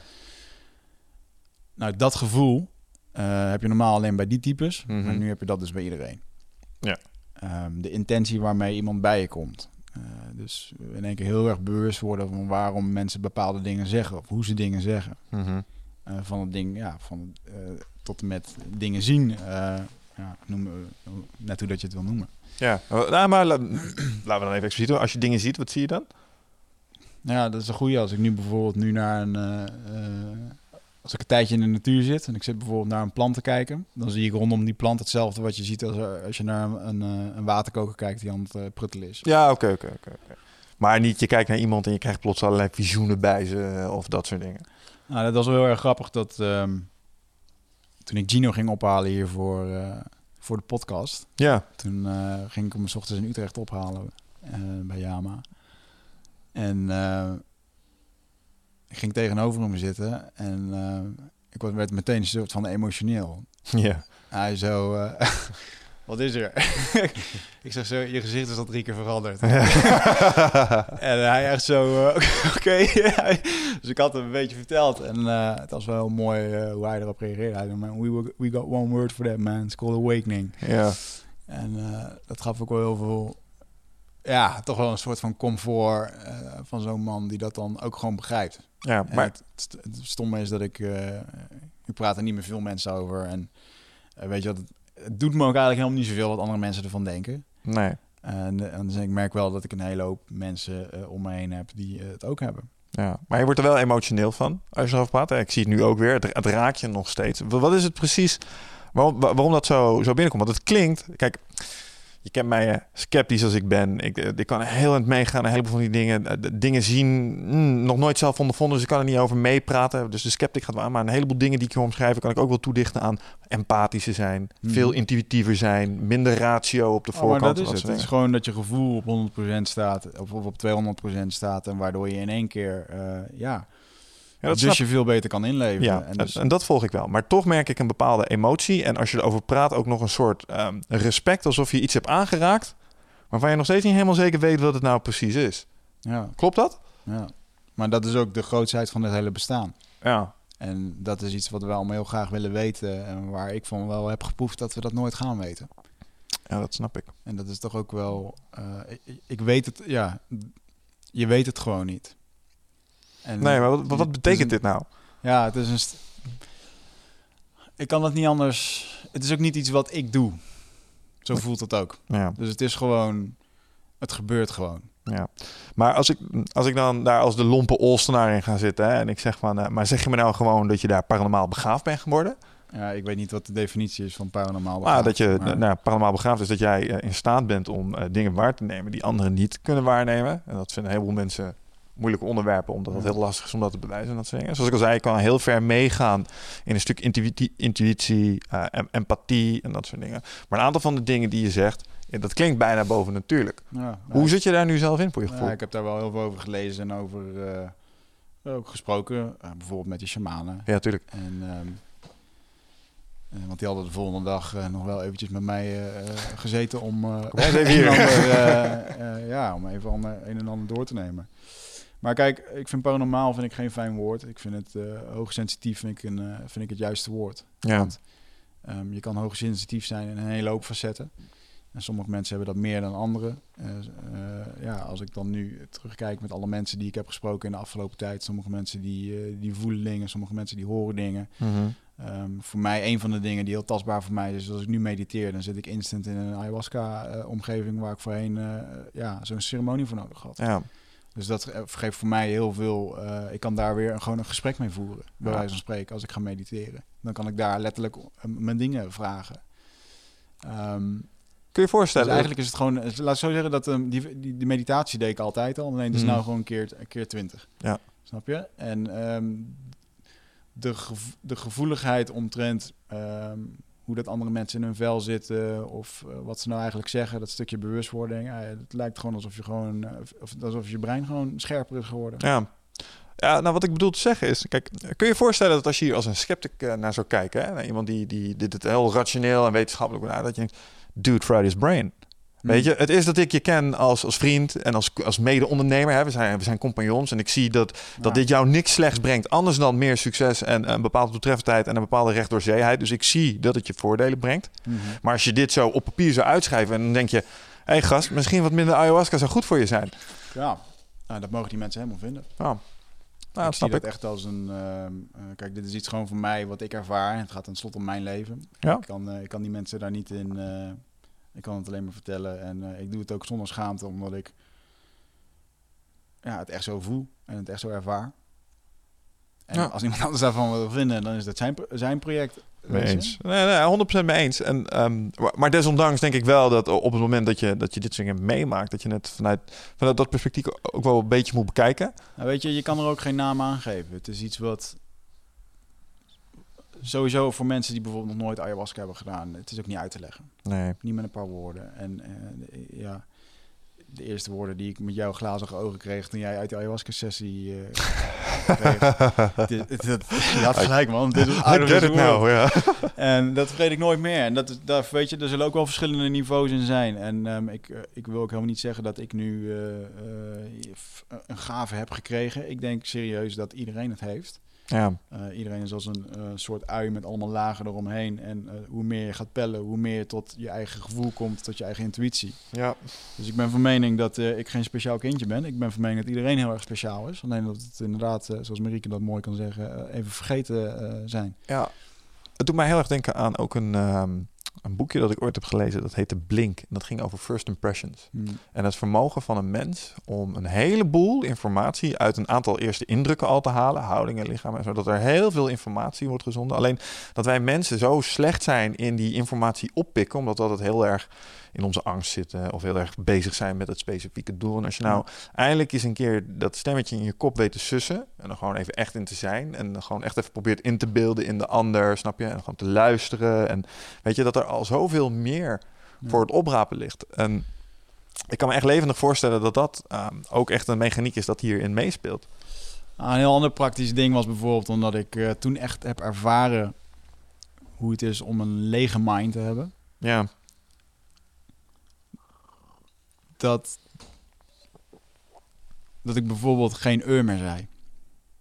Dat deed ik echt heel erg veel. Dat kun je Ja. in de podcast luisteren. En het is grappig dat in de podcast daarna hoor ik mezelf minder doen. Tot in sommige vrijwel niet. hm. Maar ik merkte ook naarmate de weken, maanden er vorderen en ik bijvoorbeeld bezig ging met de verkoop van Easier, het stressiger werd, ik weer allerlei dingen kreeg en dat weer terugkwam. Oftewel, je bent minder helder aanwezig. Dus wat je zegt is als wij een, eh, een soort statistische analyse zouden doen van al onze eindbazen podcasts, kunnen we op basis van het aantal eus dat jij gebruikt, kunnen we bepalen of jij gestrest bent of niet. Ja. Of, of onder druk nou, staat. laat of het zo zeggen dat ik had toen wel gewoon, ja, de afronding kwam eraan. Ja, ja. Dat, het, Makes sense. Makes sense. Ja. Ja. het zat zeker rommelig in mijn hoofd toen. En het is ook zo dat op het moment als je uit zo'n sessie komt, joh, dan sta je volledig open met, eh, ja, met alles. Je bent helemaal aan en dat wordt minder met de weken. Het zeggen, ook ook ja. dit, eh, dingen werden ook minder inderdaad.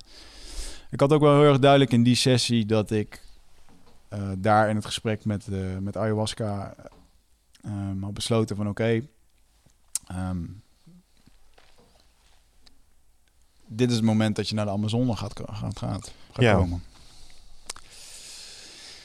Zo, zo gezegd, zo gedaan. Dus ik had daar eh, een heel mooi gesprek met, eh, ja, gewoon het, het, weet ik veel wat het was. Wat het ook maar was, ja. wat het ook maar was. En die zei van, daar ga jij je innerlijke rust vinden. En ja, dat was toch wel iets wat ik... eh, waarvan ik echt de bevestiging had van... oké, nu ga ik er gewoon heen. Ik ga Easy verkopen en daarna dan ga ik daarheen. Hoe dan ook.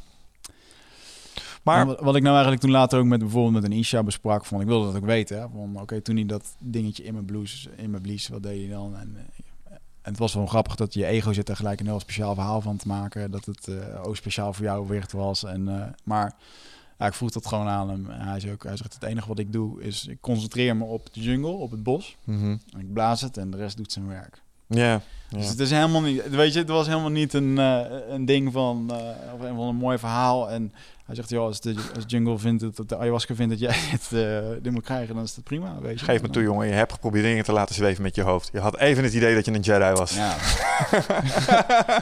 dat zou ik wel doen. Het, eh, ja, goed, het is wel heel... Het, het was, ik vond het een leuke... Het is een hele leerschool geweest de afgelopen half jaar. Ja, tuurlijk. Om... eh, wat ik bijvoorbeeld heel erg moeilijk vond... was om het gevoel van mezelf en van anderen te onderscheiden. Ja. Ja, ik, ik heb daar toch nog een vraag over. Je zegt, eh, dan, dan vertelt ayahuasca je van... ehm, joh, in de jungle ga je rust vinden. Hmm.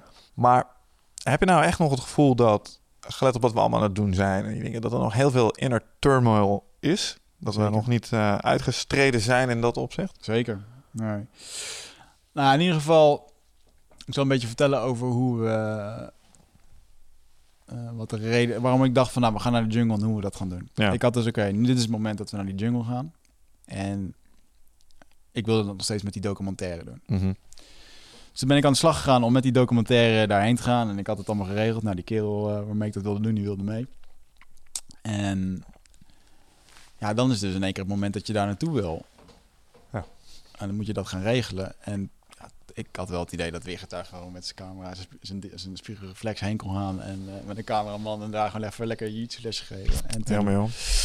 kwam ik toch vrij snel tot de conclusie dat ehm, eh, ten eerste, ja, je gaat niet zomaar bij zo'n stam langs om daar even een camera te schieten. Laat staan dat die mensen zomaar met jou van allerlei dingen gaan doen, om- omdat jij toevallig een keer in Nederland hier met een shamaan eh, zijn sessie hebt gedaan.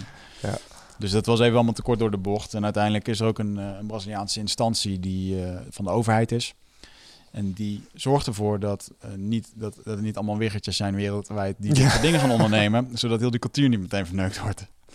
Dus het was voor mij een hele reis om, ja, dus met dat orgaan, wat, ik, wat er nu moet gaan gebeuren. ehm, eerst moet je uitgenodigd worden door iemand van het dorp. Mm. Anders kom je er überhaupt niet. Ja. Dat moet je, dan moet je wel met een goed verhaal komen. Want het is niet publiekelijk. Ja, wat kom je doen? Eh, via via, wie ben je, en waarom en hoe en wat. En uiteindelijk kwam ik daar tot de conclusie dat op het moment als je daar dus bent, mag je gaan vertellen wat je gaat doen. Hm. Vervolgens moet je handtekeningen gaan verzamelen van iedereen, inclusief de kinderen. Want je mag in Brazilië bijvoorbeeld geen kinderen filmen. Ehm, nou, als ik jiu les ga geven aan kinderen, dan moet het wel gebeuren. Ja. Eh, dat mag niet, dan ben je strafbaar. Eh, laat staan als het ook nog een keer indigenous is. En die mensen daar gaan ervan uit dat op het moment dat jij daar komt, dat je al dat papierwerk hebt geregeld. Daar doen ze verder niks mee. Maar op het moment dat dat dus niet het geval is, wat in voorgaande Ja. Is, is gebeurd, ja, dan heb je die mensen echt gewoon een. eh, dat is niet fijn, want die mensen staan gewoon online, en Ja. terwijl ze dat niet geen toestemming voor hebben. Ja. Laat staan dat je dan eh, eh, daar, daar, nee, dat wil ik helemaal niet om mijn hals halen, weet je. En eh, dus voor mij is het toen de uitdaging geweest. Ja, van, wil die shamanen daar niet pissig maken, bedoel je? nou ja, dan wordt één keer black voodoo shit, weet je wel. waar, waar je weer het op een poster ziet hangen met een paar pijlen. ja, ja, ja, ja. Voedelpoppetjes. En uiteindelijk is het een, ehm, een verhaal geworden waarbij ehm, ja, ik dus dat verhaal wel helemaal uit had gewerkt. Van nou, wat wil je daar gaan doen? Ehm, en dan moet je vervolgens heen. Maar ik merkte eigenlijk al dat in die reis er naartoe dat het...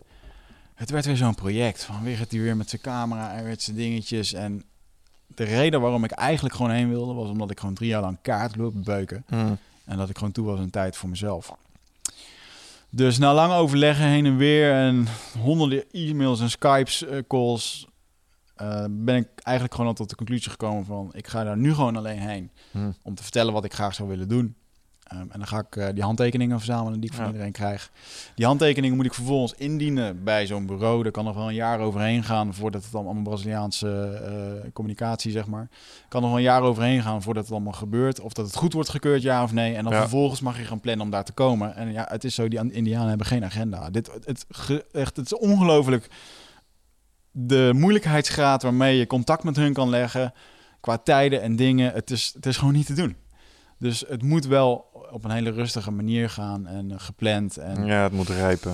Dus ik had op een gegeven moment ook een... ehm, ik heb eh, die shamaan heb ik op een gegeven moment... eh, die was aan het toeren. En die was toen één dag in Rio. Toen kon ik hem toevallig via Skype met de vertaler... kon ik vertellen wat ik allemaal wilde doen. Had uitgelegd wat het afgelopen half jaar was gebeurd. Hij herkende me nog. Ja. En ja, eigenlijk het eerste was wat hij zei... je bent bij deze uitgenodigd om, om langs te komen. Mooi. En ehm, ja, toen zei ik eigenlijk al veel wat ik wel graag wil. Ik wil graag eh, even voor mezelf en ik wil een dieta doen. Hm. Een dieta is dan dus inderdaad een speciaal plantdieet waarbij je een tijdje in isolatie moet. Ik denk, nou, dat doen we mooi tien dagen. Dat is een mooie uitdaging. Want de meeste dieta's die, die kende van mensen, die, die doen dat tien dagen of Ja. zeven dagen. Wat al een beproeving op zich is, Ja, als je ze mag geloven. Dus, eh, dat vond ik ook al. Dus, eh, nou, en op een gegeven moment ben ik dus eigenlijk gewoon de boel gaan regelen. Easier, lekker aan het afronden. Eh, nou, met jou eh, en Nutrofit moesten we een hele hoop doen. En wow man, we hebben, we hebben veel werk verzet in de afgelopen half jaar om alles Zeker. geregeld te krijgen. ja. Eh, we zijn ook gewoon mooi gegroeid. En ja, dit is wel echt de reward voor mij, dat, ik, dat ik nu gewoon zes weken daarheen kan. Toen zat ik een beetje te denken van, wat gaan we doen met de planning daar? Want ja, ga je daar zes weken gewoon een beetje zitten kijken wat hun doen. Lamballen. En eh, ik wil heel graag een boek schrijven over leiderschap. Nou, ik denk dat het een fantastische eh, ervaring is om daar te kijken hoe, hoe dat men daar omgaat met elkaar in een community waar geen geld is. Waar men echt nog gewoon vrij primitief is. En eh, eens kijken wat, er, wat daaruit te filteren is voor... ja. Voor Voor het, ja. Hoe, hoe werkt het hier, weet je? Hartstikke bijzonder. En, Ja. Ja, toen heb ik eigenlijk de planning een beetje doorgenomen van wat gaan we daar nu allemaal doen. En ja, uiteindelijk eh, hebben zij eh, gepland dat ik daar 30 dagen in isolatie ga. En dit, dit vind ik nog wel een heel bijzonder stukje, want ehm, ik heb daar verder niet om gevraagd. Nee. Eh, maar wat dus het geval is, dat daar, je hebt daar het dorp. En het wordt niet bij het dorp gedaan, want je staat, als je zo'n dieet doet, ontzettend open voor allerlei andere energieën. Of, Hm. Dus je mag ook niet in Hmm. contact komen met andere mensen. Dus wat er gaat gebeuren is dat ik daar eh, van het dorp wegga na eh, drie of vier dagen als ik daar ben. Eh, in die drie of vier dagen moet ik om, dat is het enige wat ik even regelen met die Hmm. handtekeningen. Ehm, om vervolgens met Isha naar de Sacred Space te gaan, zoals zij dat noemen. En dat is waar de jungle ontzettend dicht is op elkaar. Daar groeit ook een ayahuasca. Dat is echt de, een hele krachtige plek. Daar staan twee hutjes en daar ga ik één op één met die man een maand zitten. Ja. Iets zeg maar dat er geen wifi zal zijn. Nope.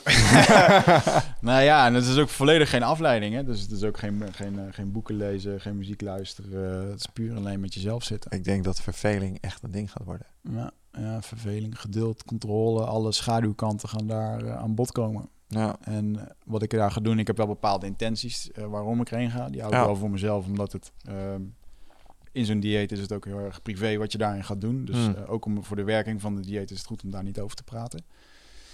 Dus eh, ik heb wel mijn intenties en uiteindelijk is het dan Isha die bepaalt wat voor soort plant je eh, tot je gaat nemen. Oké. Want het is eigenlijk dat je een relatie gaat opbouwen met die plant. En ja, het is wel, wel bijzonder. En ik heb daar mijn eigen riviertje waar ik lekker kan, kan badderen. En je hutje. En het zal daar... Word je gevoed of moet je je eigen eten regelen? Ja, het is een compleet zoutloos dieet. Het zorgt ervoor dat je lichaam en geest uit elkaar kunnen komen. Want nu is het heel erg, eh weer denkt heel erg dat hij in het lichaam zit. Maar op het moment dat je dat dus neemt, geen zout, dan zorgt dat ervoor dat je lichaam en geest een soort splitsing van elkaar kunnen maken. Hm.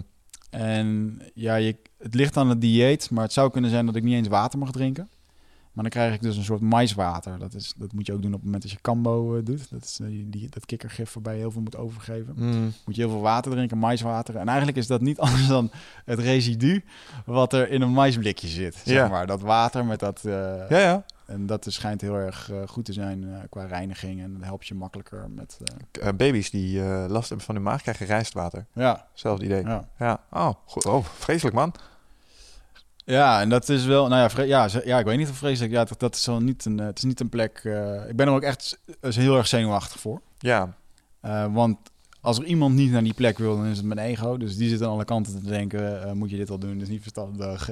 Dus je merkt dat er echt een, in, er is een intern gevecht al weken. het is te laat. We, hebben nu, we zijn nu een podcast aan het opnemen. Deze komt online, dus je kunt niet meer terug. Ja, Ja. ja, dat sowieso. Maar het is een, ja, het is wel iets bijzonders. En wat ik, wat ik gewoon heel erg bijzonder vind, is dat zo'n man een maand lang van zijn eigen Ja. dorp eh, eh, met mij daar gaat spenderen. En waarom dat hij dat doet, eh, nou, hij wordt er niet rijk van. Ehm, eh, want ja, ja, hij doet dat gewoon. En ik vind dat, ik vind dat onwijs, ik voel me daar onwijs vereerd in. Mhm. Ehm, dus ik vind het een onwijs bijzondere ervaring die ik daar mag, mag doorgaan. Maar ja, als ik het goed begrepen heb, volg je eigenlijk gewoon instructie op. Ja, dat is het. En ik denk dat hij dat ook wel snapt.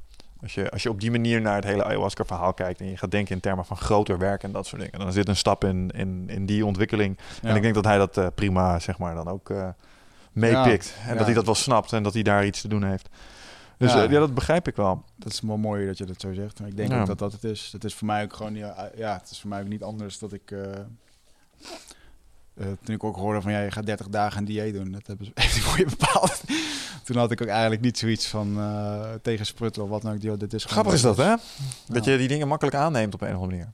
Ja, en het mooie is dat, maar dat is dus wel een ding. Ik, die man spreekt echt geen Engels en ik spreek Nee. geen Portugees. En die man gaat wel iedere dag zijn dingen met mij doen. Ga je Dus ik, ben onwijs eh, benieuwd hoe dat, dat in zijn werk gaat. Denk je niet dat dat het ook mooier maakt en beter eh, om te kijken naar wat er nou echt gebeurt? Want als je aan het kletsen bent, ben je bezig met het kletsen. Maar als je de informatie niet kunt halen uit het kletsen, dan moet je het wel doen uit observatie. Absoluut. Dit, ja, dit, gaat, dit gaat een hele andere manier van beleving worden, maar ik denk net zo krachtig en net zo Misschien wel krachtiger. powerful. Ja. Kijk, er is natuurlijk ook een hele hoop. Ik wil heel veel leren over het shamanisme en het is mooi om die taal te spreken. Dus ik denk ook wel dat dat met de jaren zou ik dat wel gewoon gaan leren. Ja. Ehm, maar voor nu is het gewoon eh, echt even net ervaren. En eh, ik heb ook even allemaal, allemaal losgelaten wat ik daar wil verwachten en zo. Want ehm, ja, dat is eigenlijk niet waar wat ik daar zeg. Want ik heb er wel verwachtingen van. Want eigenlijk, eigenlijk is me al verteld door ayahuasca eh, hoe dat ik daar uit ga komen. Ik heb de wereld al gezien. Hoe ik de wereld zie op het moment als ik daar uitkom. Hm. Ehm, wat verder even niet uitmaakt. Maar ik heb dat dus al gevoeld, zeg maar. En eigenlijk in de afgelopen half jaar, alle dingen die zijn gebeurd over hoe dat ik hier naartoe ben gewerkt, die heb ik daar allemaal al kunnen zien in zo'n sessie. Hm. En die zijn allemaal één voor één ja, gewoon uitgekomen. Dus voor mij is dit pad wat ik nu aan het bewandelen ben, is gewoon ja, hetgeen wat nu moet gaan gebeuren. Komt u dan, de voor de hand liggende Michel-vraag, is dat dan omdat het pad al vast lag of omdat jij doelen hebt gesteld waar je heen hebt gewerkt? Ja, voor mij voelt het alsof er eh, dat pad te lang vast Ja, lag. oké. Ja, Ja. ja, nou, dat vind ik interessant. Ja, dat zijn natuurlijk de grote vragen van tuurlijk. het leven. Ja, ik, en al, ja, ja, goed. eh, ja, Hm. Ja, goede man. vraag. Ik weet het niet. Ja, Dus- ja, ga, je achterkomen, Ja. denk ik dan, daar zo.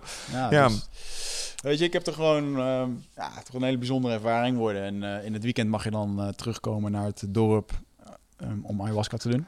Weekend. Nou ja, dag. Want je, je, er wordt wel gezegd van als je daar komt, dan ben je gewoon de kermisattractie van het dorp.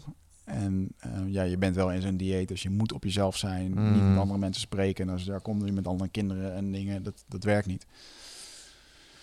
Dus ja. Hm. Ja, heftig.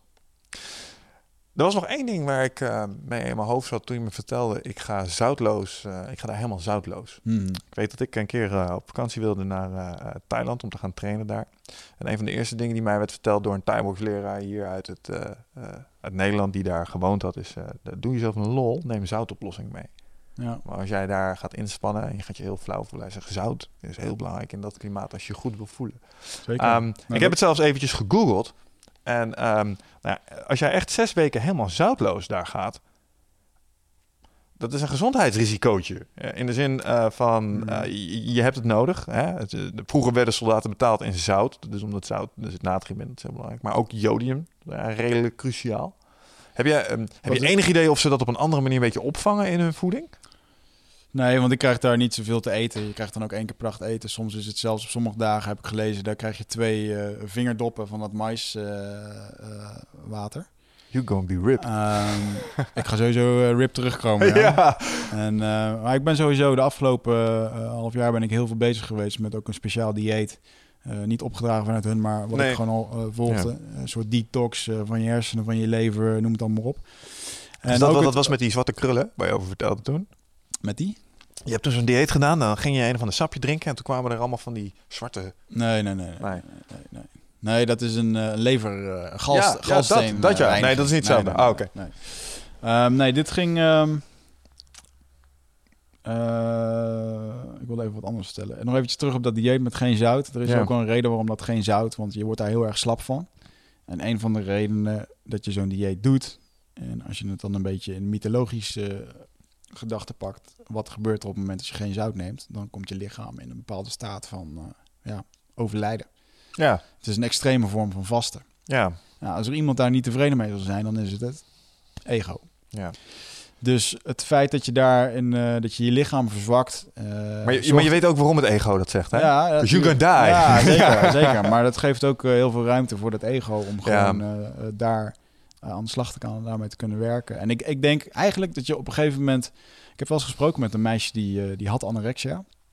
En die, eh, die had soms gewoon dagen niet. En die zei Mhm. ook, na de eerste drie dagen, dan is dat heel erg. Maar op een gegeven moment heb je ook gewoon geen honger meer. Ja. Dus ik heb daar wel erg een soort van gerust, geruststellende gedachte van... nou, op een gegeven moment dan zit je volgens mij zo in die modus. Vol- volgens mij zit je daar gewoon eh, vier weken lang in een bepaalde staat van, van zijn of doen... eh, die wij helemaal niet kennen. En ja, wat ik al eerder heb gehoord is dat op het moment dat je daar dus bent... en die geest van die plant, die komt helemaal in je, gaat werken. eh, je hebt visualisaties op, op klaarlichte dag, met meditaties of dingen die in één keer binnen kunnen komen. Het is gewoon eigenlijk een, een kermis van vier weken lang. Ik weet het niet, man. Als ik dit soort dingen hoor, dan denk ik echt, dit is het. Ja. Ik zie mezelf nog wel een helikopter, in een helikopter over die Amazone vliegen, weet je wel. We moeten hem gewoon gaan halen, want... eh, nee, alle gekheid op een stokje. Maar het is wel heftig, man. En ehm, er zit ook wel echt een, eh, een- een fysiek risico aan als je dit soort dingen hoort. En ik denk dat dat nodig is om te komen waar je heen wil gaan. Ik denk ook dat wat je zegt, dat dat klopt. Want eigenlijk zit je lichaam gewoon in een, in een stressstaat, in een overlevingsstaat. En daarmee verzwak je. En door verzwakte gaat ook ja, weerstand eh, waarschijnlijk op een lage pitje. En komen de lessen echt volledig binnen. Ja, Maar als je dit eh, een gemiddelde Nederlander voorlegt. ja. Nou goed, ik ben nog niet de gemiddelde Nederlander. Maar dat, weet- dat, dat weten we, dat snap ik. Maar ergens in je zal toch ook een, eh, een beestje zijn dat zijn hand opsteekt van... eh, ja, maar we willen toch ook nog weer terugkomen? Ja, daar ben ik ook niet bang voor dat dat niet gaat gebeuren. Nee, ik zou echt... eh, mijn, mijn tas zou vol zitten met echt inderdaad nog zo'n extra rietje. Twee van die messen. Eh, ik zou zoutoplossingen bij hebben. Waarschijnlijk al, breed, eh, breed spectrum antibiotica. Weet je? Eh, ja, ik zit daar echt eh, makkelijk in. Ik vind het echt heel dapper. Ja, ja ik, eh, dat geeft misschien, ben ik daarom ook even zenuwachtig. omdat ik het gewoon kut heb voorbereid. Ja, no preparation, weet je. Wat doen, maar ja, nou, ja, ja, alle gekkigheid. Wat doen gasten die bij speciale eenheden zitten voordat ze naar dat soort gebieden gaan? Ja, ja goed, ik ben geen speciale eenheid. Dus, Ja, dat snap dus ik. Maar ze doen wel milde, voor, milde voorbereiding. Ja, nou ja, je hebt het gedaan. weet je. Ik ben ook allemaal Oh. dingen aan het kopen voor die jungle en shit. En, Tuurlijk, eh, je hebt dingen bij je. weet je, ehm, Maar zo'n extra rietje zou wel een goede zijn. Ja, dat vind ik, dat vind ik, ja, vind ik, vind ik echt een goeie. Dat is inderdaad een goeie. Maar bijvoorbeeld net als... Ik heb niet allemaal van die jungle schoenen of zo. Weer het Nee, gewoon op zijn fucking sneakers de jungle in. Dat is prima. wat, is het, Slippertjes eh, wat is het risico qua insecten en native eh, wildlife? Zijn die er? Eh, eh, jaguars. Om maar een dwarsstraatje te noemen. ja, ja. het is natuurlijk gewoon eh, slangen, spinnen, alles. Eigenlijk wel mooi. Ik had Noël, Noël eh, onze vriend van de show, Ja. want, gevraagd om advies. En hij zou alles wat s s'nachts kruipt en steekt en bijt. Ehm, wat zei, hij had er een mooie uitspraak over. Alles wat kruipt, steekt en bijt. Dat was hem. Ja. En, eh, dus ja, je krijgt ook een... Ik slaap in een hangmat. En eh, ja, muggen. Ja, je zit er in het midden, midden van een jungle. Dus er zullen muggen zitten. Ja. Maar ook carriers van Ja, dingen waar jij ziek van Malaria. Ja. eh, weet ik het allemaal, dat soort dingen. Maar goed, dat heb, ik heb wel mijn vaccinaties gehad voor gele koorts en dat soort dingen. Ben je ook eigenlijk wel verplicht om dat te doen. Omdat Ja. dat is dus echt een virus wat je via veld water binnen kan Ja, ja. krijgen. En eh hey, godzijdank, dat heeft mensen ge- ehm, eh, gered. Dus ik ben, ehm, ik ben voor een grote tegenstander van vaccinaties als het gaat voor kleine kinderen en dat soort dingen. Hmm. Alleen voor dit soort dingen is het gewoon, het, ja, het is gewoon bijna niet verstandig om het niet te doen. Ja, het is gewoon science, bitch. Ja. Het werkt gewoon. En het, dus het, eh, natuurlijk er zullen er ook wel een hele hoop dingen in zitten wat allemaal niet goed is. Maar ik ben eh, niet van mening dat als ik daar eh, mijn lichaam hier wat westers verwend is, die daar in één keer in zo'n extreme omstandigheid komt, dan is het gekkigheid om dat niet te doen. Nou. Nog even naar Jaguars. Daar vertelde je toen ook wat moois over. Of volgens mij had je het daar ook over gehad. Ja. dat die lui een soort van... eh, Ja, wat doen ze? Ze tolereren je of zo, hè? Zei je. Ja, dat ehm, eh, iemand die daar een keertje eerder is geweest in die Sacred Space, die, eh, die zit daar dus echt in de, in de space. Die vroeg van, joh, hoe zit het hier met Jaguars? En dat eh Isha gewoon lachte. Hij zegt, ehm, die weten al lang die, van kilometers afstand dat jij hier bent. En die laten jou hier zitten. Omdat ze ook weten dat dit Je bent de gast. Ja, ja, ja. En dat is iets wat... ja, dat, gaat voorbij het oog, man. Dat, eh, voor hun is dat, is... dat is ook een mooie... Ik vind het ook een hele mooie manier om zo naar de natuur te kijken. Want dat is dus ook hoe dat zij daarnaar kijken. Mhm. En ja, ik heb veel dingen gehoord, man. Dat ze gewoon ayahuasca nemen voor het jagen gaan. Zodat ze die beesten, dat ze de toekomstige paden van die beesten kunnen zien. Dat als een aap door de bomen heen slingert, dat, dat, Oh, dat hij gewoon als het ware het voor, vooraf kan zien. En gewoon met op 30 meter afstand met een blaaspijp zo'n beest uit de boom schiet. Ja, dat omdat die weet waar die gaat zijn. kunnen wij niet bijkomen. En als het Nee. dan gaat om, eh, eh, nou bijvoorbeeld om het, om het te zien, eh, wat zo'n shamaan dan ook doet. Hè? Een shamaan die ziet, dat kan op verschillende manieren. Dat kan of met zijn gevoel zijn of met zijn zicht. Maar ik heb bijvoorbeeld heel veel boeken gelezen van een, ook een antropoloog, Alberto Villoldo. Hm. Was een keertje eerder over gehad, volgens mij. Die, ehm, die beschrijft op een gegeven moment in een boek dat hij met zijn shamaan op zoek, dat ze op zoek gaan naar een jaguar. En dat, dat ze dan sporen zoeken. En dat die shamaan dus letterlijk gewoon iedere keer wijst. Nou ja, daar is hij geweest, daar is hij geweest. Hij snapt het niet. En op een gegeven moment, kijk, ja, daar zie je een plukje haar. Dus moet je je voorstellen, in het midden van de jungle met allemaal bomen, ziet die shamaan een boom met een stukje haar. Hm. En hij kijkt er echt op en ziet inderdaad de haar van een jaguar die er langs is gelopen. En later, eh, nadat hij zijn zicht ontwikkelde en zijn kennis ontwikkelde, begrijpt hij dat op het moment als zo'n beest daar langs loopt, dat hij gewoon energiespoor achterlaat. Hm. Dus die mensen die kijken naar die bomen en naar wildlife op een manier waar, waar wij ver van afzitten. Dat, dat, daar moet je voor in de natuur zitten om dat ja, te zien en te voelen en te doen. Dan moet je niet allemaal stress en dingen hebben. En op een gegeven moment, ehm, ja, dat is dus hoe zij beesten eh, tracken, als het ware. Ja. Vond ik een hele bijzondere eh, eh, en op zich ook logische. Het is als het ware alsof je een, eh, een, een heat sensor, weet je, dat is er ook, hè? Dus waarom zou het niet op een nog minusculer niveau zijn? Dat op het moment dat een beest ergens langs loopt, dat hij daar gewoon een stuk energie achterlaat. Ja, nou, de reden dat het, het makes sense to me is omdat ik weet dat je eh, bijvoorbeeld warmteafgifte is een ding, weet je. Ja. Je kan met sommige sensoren kun je zien waar mensen gelopen hebben, dat soort dingen. Dus ah, Ja. nee, dat, dat zal echt wel iets zitten.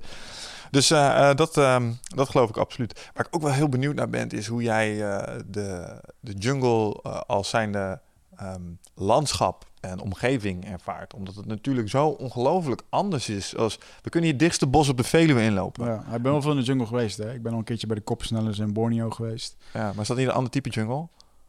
Dit is regenwoud. Ja, ja, ja, ja. Is, ja, is Ja, regenwoud is voor. Ja, ik weet. Volgens Ja. mij is dat een heel ander. Dat is Ja, echt, ik weet niet. echt helemaal dicht tot ja, aan de nok toe. Ja, dat, dat ben ik geweest. Oké, dus dat ken je al. Ja, ja, Ja, zeker. Dit is niet een eh, soort bos ergens wat eh, aangelegd is voor toeristen. Nee, en eh, eh, met die, met die koppersnellers. Ik weet trouwens nog wel dat we daarheen gingen met grote ogen. Met van die longhouses hebben ze daar. Ze hebben van die huizen op palen. Ja, En toen was ik toen samen met mijn huidige vriendinnetje. En dat ik me echt binnen een paar uur helemaal kapot verveelde daar.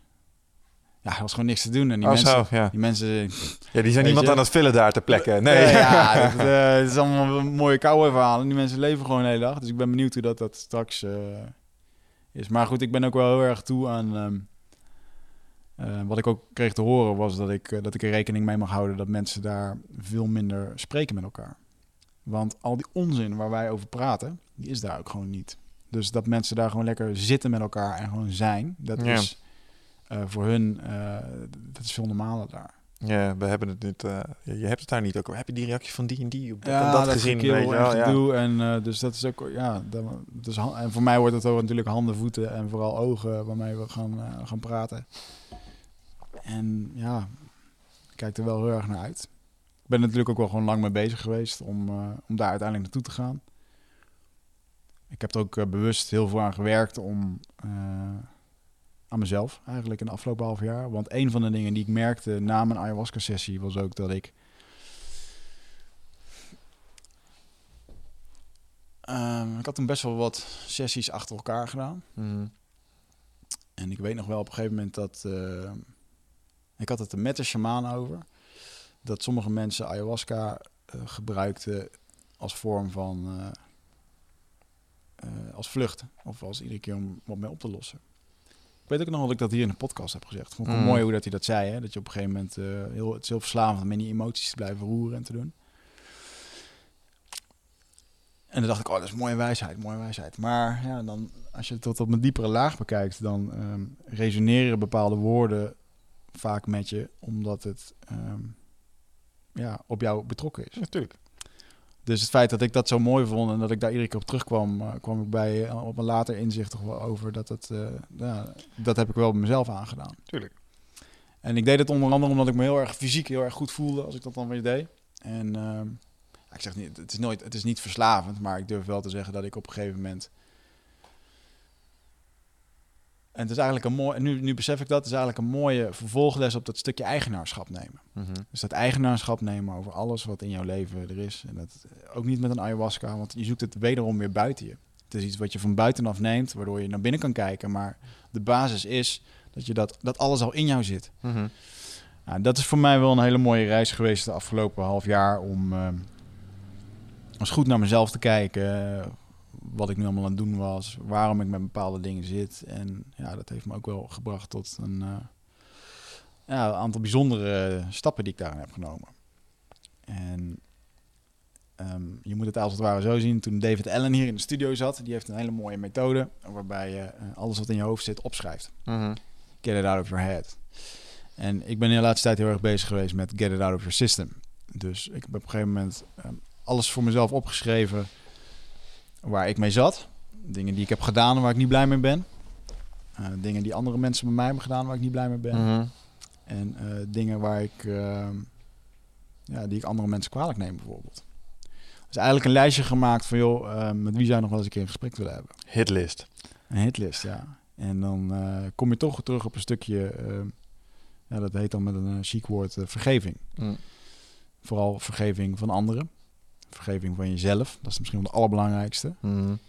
Maar ook dat je, eh, dat je de ander vergeeft, maar ook eh, ja, vooral eh, bepaalde situaties los kan laten. En over jezelf of naar hem toe. Ja. Ja, dat is wel heel erg bijzonder. Dus ik heb daar gewoon eens een keertje een lijstje van gemaakt. En mede met als reden omdat je in zo'n ayahuasca-sessie... ehm, ja, dan ben je toch iedere keer weer aan het opschonen, emotioneel. Mhm. En ik had nu zoiets van, weet je, als ik straks naar die jungle ga... dan wil ik eigenlijk gewoon helemaal clean zijn met al die, al, die, al die emoties of woede of wat er dan nog in je zit. En jij zei dat toen al mooi. eh, je gaat dus eigenlijk naar de sportschool eh, om af te vallen normaal. Ja. En nu ga je naar de sportschool om aan te komen. Ja. dat is ook echt, eh, die woorden heb ik wel echt ter harte genomen. Want ja, ik wil graag dat deze jungle trip me echt iets gaat geven waarmee ik mezelf kan versterken. En mag opstaan voor hetgeen wat ik dan ook mag gaan doen. Spirituele gains. Ja. En, eh, maar goed, een van de dingen daarvan was natuurlijk wel dat ik gewoon een uh, kaartenlijst heb gemaakt. En het mooie is dus als je allemaal dingen opschrijft, bijvoorbeeld over je ex-vriendin of over, uh, over mijn stiefvader. Nou, ook in de podcast heb ik daar wel eens over gehad. Dan Mm. beschrijf je al snel situaties wat jou is aangedaan of wat er toen is gebeurd. Mm. En, maar bekijk je het op een laagje dieper, dan heeft het helemaal geen fuck te maken met dat het jou iets is aangedaan. Want um, iemand die jou iets heeft aangedaan, die zit compleet in zijn eigen verhaal op dat moment. Oh, zo, ja. Die heeft hele andere motieven. Uh, jij maakt allemaal veronderstellingen waarom het zo is gegaan. Uh, je bent boos, want je ego is gekrenkt. Maar diep daaronder ligt bijvoorbeeld een uh, goed voorbeeld. bijvoorbeeld met mijn, mijn ex-vriendin, die had spierziekte. Dat hebben we ook al eens besproken. Mm. Um, heb ik haar best wel kwalijk genomen in de tijd dat, dat zij niet goed... Ik vond dat ze niet goed voor zichzelf zorgde. Uh, door ze veel stress had, waardoor die spierziekte erger werd. En dat vond ik respectloos naar mij. Hm. Daar hebben we veel woorden over gehad. Maar uiteindelijk gaat het daar helemaal niet om. Het gaat erom dat uh, Wigert doodsbang is om alleen achtergelaten achter, uh, te worden. Ja. Um, en dat is dus je eigen angst die je naar buiten projecteert naar iemand anders. En dus de, dat stukje eigenaarschap te nemen, door continu naar binnen te kijken van oké, okay, hoe kijk ik hier tegenaan? Uh, en waarom kijk ik hier tegenaan? En um, elke irritatie of elke boosheid die je naar iemand anders hebt, is iets wat bij jou intern borrelt. Ja, en dat ja. heeft ermee te maken met allemaal overtuigingen die we hebben. En daar hebben meerdere mensen het hier in de podcast over gehad. Maar overtuigingen als, ik ben het niet waard. Um, ik uh, ben bang om alleen gelaten te worden. Niemand houdt van mij. Het zijn allemaal dingen die we van vroeger meenemen. Het is wel grappig dat je dat, dat je dat op die manier bekijkt. En het is ook heel krachtig om dat te reframen naar wat het dan is. En dan positief te maken. Ik heb een keer van iemand anders, heb ik hem gehoord en die zei... eh, als ik dan merk dat, dat het niet snel genoeg gaat... Wat, wat zou Michel zeggen, zeg maar? Ja, ga niet snel genoeg, schiet eens op, kunnen we even aanpakken. Ja, Maar wat je eigenlijk moet zeggen, ik voel de behoefte aan voortgang. Want dat is wat er echt achter zit. ja. En dat is, dat is wat je hier volgens Ja, mij is- aanraakt. dat is Ja, een hele goeie. ja. Maar ik heb ehm, dus op een gegeven moment een lijst gemaakt met... eh, en dan moet je dus voor, gewoon voorstellen voor de mensen waarvan je houdt. Daar heb je gewoon... eh, daar heb je ook gewoon... Ja, of je hebt gelogen of je voelt niet goed over dingen. Het is een hele confronterende lijst. ja. Ehm, dat neemt niet weg dat je in één keer allemaal oude dingen moet gaan oprakelen en doen. Of dat je allemaal moeilijke gesprekken nog moet gaan voeren. Ehm, maar ik heb bijvoorbeeld wel gewoon een gesprek gehad eh, met mijn ex-vriendin... waarbij ik inderdaad... ehm ze had vrij snel nadat het bij ons uit was, had ze een nieuwe vriend. En eh, ja, dat was een bekende van mij, dus daar was ik minder blij mee. En op dat moment neem je dat heel erg eh, persoonlijk. Hè? Van, kijk eens wat ze allemaal bij mij hebben aangedaan. We hebben nog even voor zijn huis gestaan met een paar bivakmutsen, weet je Ja, wel. precies. En, eh, Toch die monitorcocktail niet aangezet. Nee. Eh, uiteindelijk niet gedaan. Maar het is een. Ehm, uiteindelijk was het. Is het gewoon zo dat iemand verliefd wordt. En iemand Ja. wordt verliefd op een ander. En zij was al een half jaar bezig om het eh, in haar hoofd om het met mij uit te maken. En dan gebeurt dat. Ja, dan gebeurt dat. En dan is het ontzettend vervelend dat Wigert daar eh, eh, zichzelf een slachtoffer van maakt. Want dat is het verhaal. Ja. Ik voelde me daar heel erg zielig en bedrogen en noem het allemaal op. Terwijl ja, het gebeurt gewoon. En ik neem het helemaal persoonlijk. En dus om in één keer daarmee terug aan tafel te kunnen zitten en dat tegen elkaar te kunnen zeggen in een gesprek. Waarbij je gewoon zegt van, joh, oké, je kijkt er nu anders naar. Ik, ik heb hier gewoon een persoonlijk verhaal van gemaakt. En ja, jij werd gewoon verliefd. Eh, ja, Ja, wat moet ik ervan vinden? dat is live. Weet je? En eh, dat is wel, ja, het is gewoon een heel mooi gesprek. En je merkt toch dat dat soort gesprekken, dat zijn de gesprekken waarbij je gewoon voelt dat je wat aan het oplossen bent. Mhm. Dus eh, ik noem het dan letterlijk gewoon, ja, het is letterlijk gewoon lichter worden. Ja, En een heel bijzonder gesprek wat ik heb gehad is met, eh, ook met mijn stiefvader. Die heb ik 15 jaar lang niet gezien. En die heb ik weer opgezocht. En die heb ik bijvoorbeeld ook heel veel de schuld gegeven over hoe nu de situatie met mijn broer is. Mhm. Eh, hij kreeg op een gegeven moment een eh, relatie met een andere vrouw. En dat gaf, eh, eh, ik voelde mijn moeder natuurlijk ja, tuurlijk. worden. Ehm, en op een gegeven moment heb ik dan maar gewoon gezegd van... joh, we nemen afscheid van elkaar, we hoeven je niet meer te zien. En ja, het is toch wel mooi om met hem dat gesprek aan te gaan... en 15 jaar later met een man te zitten... die ook zijn eigen reis heeft gemaakt... en die waarvoor je eens tegenover zegt... en die gewoon zegt van joh, eh, ik was op dat moment gewoon een onwijs boze man... en dat en dat speelde er. Die heeft een, een mooie ontwikkeling voor zichzelf gemaakt. En daar zat gewoon een hele andere man. En eh, ja, het was ook gewoon heel fijn om te kunnen zeggen van... joh, ondanks dat je mijn moeder ehm, op dat moment... ehm, ja, iets hebt gedaan waardoor ze veel verdriet heeft gehad... neem ik het je niet kwalijk dat je het hebt gedaan. nee. Want het gebeurde gewoon. En dat mijn moeder daar een, eh, misschien nog eh, steeds een, een probleem mee heeft... of dat ze het lastig vindt, dat is haar verhaal. Mm. En het is ook heel erg mooi om hierin te beseffen... dat ik niet de redder ben van... ehm, Je moeder. Bijvoorbeeld mijn ex-vriendin met Oh, haar spierziekte. ja, ja. Maar ook die van mijn moeder. Van, Ja. oh, moet het allemaal oplossen. Wigert moet het allemaal weer... Nee, weet je, dit is hun proces. En betekent vergeven dat je dan ook... eh, want dat is een mooie. ehm, die uitspraak verge- ehm, vergeven, maar niet vergeten. Ja, dat is, dat is natuurlijk gewoon bullshit. Want dan ben je het... je Eigenlijk zeg je, vergeven. ah, ja, precies. Ja, dan Ja. ben je met, met je hoofd vergeven. Maar om het echt met je hart te kunnen vergeven... door gewoon oprecht te kunnen zeggen van... hey, niet fijn wat je toen hebt gedaan... Eh, maar goed, jij zat gewoon in je eigen, eh, eh, in je eigen hoofdrol. En je zult het waarschijnlijk naar het beste weten hebben gedaan. Ja, weet je, het is gewoon oké zo. Ja. En ehm, ja, hoewel er natuurlijk wel voorbeelden te verzinnen zijn waarbij je zeker niet moet vergeten, zeg maar. Maar eh, hè, omdat je wel... maar er is een verschil tussen het, eh, het vergeten en dus eigenlijk nog steeds boos zijn. Waardoor eh, er zijn hele mooie boeken over vergeven geschreven. ja. Waarin bijvoorbeeld wordt eh, gezegd dat mensen bijvoorbeeld zeggen van... eh, hij moet eerst maar voelen wat ik heb gevoeld. Ja, dan ben je dus zit je nog compleet in je ego. Je bent straffen. En eh, dat als, als iemand zijn, eh, zijn excuses aanbiedt, dat je het niet accepteert. Want je wil dan nog maar even dat hij dat voelt. Om hem terug te pakken. Ja, Dat vind ik echt een van de ergste dingen die je kunt doen. Als iemand zijn hand naar je uitsteekt. Ja, trouwens, net dat ik het zeg. Ligt eraan waar het over gaat natuurlijk. Maar als Ah. iemand echt probeert om te verzoenen met je... en die doet toenadering en je wijst dat op, op die manier af... Ja. Ja, het is natuurlijk wat anders als ze je moeder vermoord hebben of zo, Nou snap ja, je? maar het, Maar, is, het, is, het is ego. Hè? En het is, ik vind het een hele mooie wat ik heel... eh, als ik daar nu op terugkrijg, toen snapte ik dat niet zo. Bijvoorbeeld Paul Smit heeft hier in de studio gezeten... waarbij hij zei dat zijn moeder dood was gereden. En dat hij gewoon helemaal niks voelde naar die dader. Ja, dat heeft gewoon gebeurd. Ik snap dat nu. Want eh, die jongen deed dat niet expres. Laten we wel wezen. Die, en ook dus iemand... eh, nou, dat klinkt dan... Ja, dat is ergens ook wel onbegrijpelijk. Maar iemand die iemand vermoordt... Die zit zo erg compleet in zijn eigen verhaal dat dat gebeurt. Ja. Dat je dat eigenlijk dus ook gewoon niet kwalijk kan nemen. Want het Ja. gebeurt. Het is vervelend. Weet je wat het is? Als je dat pad op gaat, hè, dan moet je plots ook eh, begrip hebben voor ISIS-krijgers.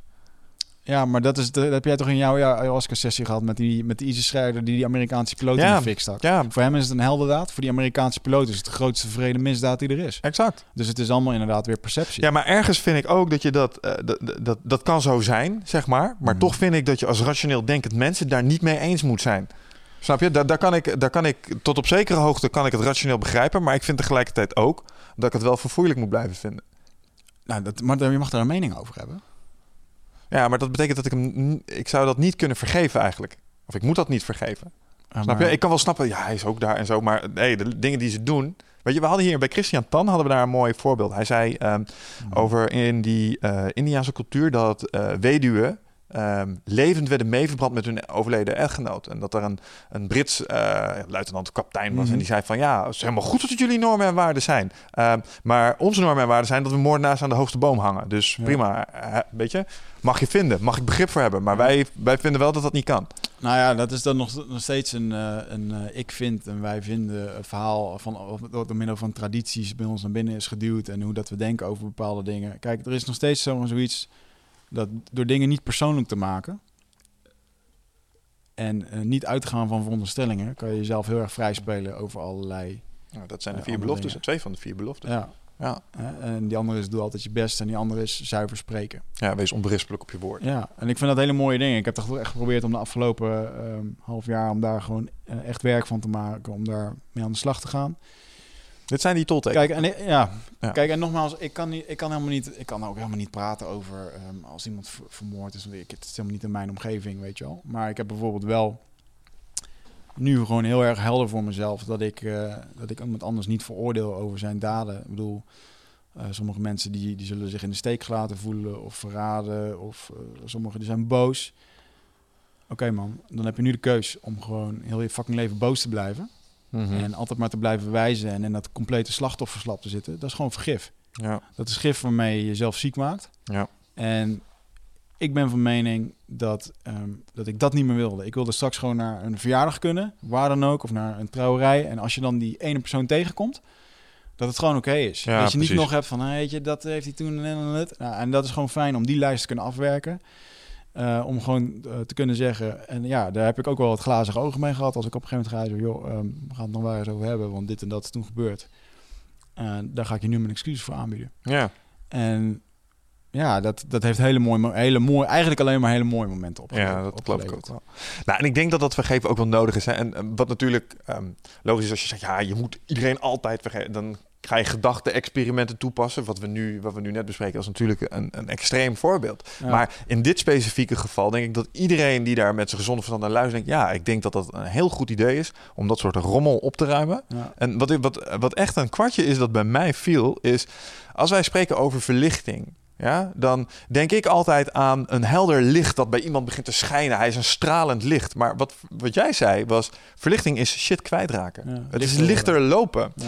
En het is echt heel grappig hoe taal werkt in dat opzicht, zeg maar. Ehm, maar dat was echt een kwartje voor mij. Wat ik jou echt heb zien doen de laatste maanden, is die rugtas nog leger maken. Ja. Het laatste zand eruit kloppen, zeg maar. Maar let wel, wel zonder daarvoor eh, naar een ayahuasca te grijpen of naar een therapie te gaan. Of, eh, wat gewoon- ook allemaal bijdraagt aan dit hele proces. Tuurlijk. Maar ik vond het wel heel erg bijzonder om dit nu gewoon, hey, mijn face your fears en doe het op jezelf, weet je. Ja.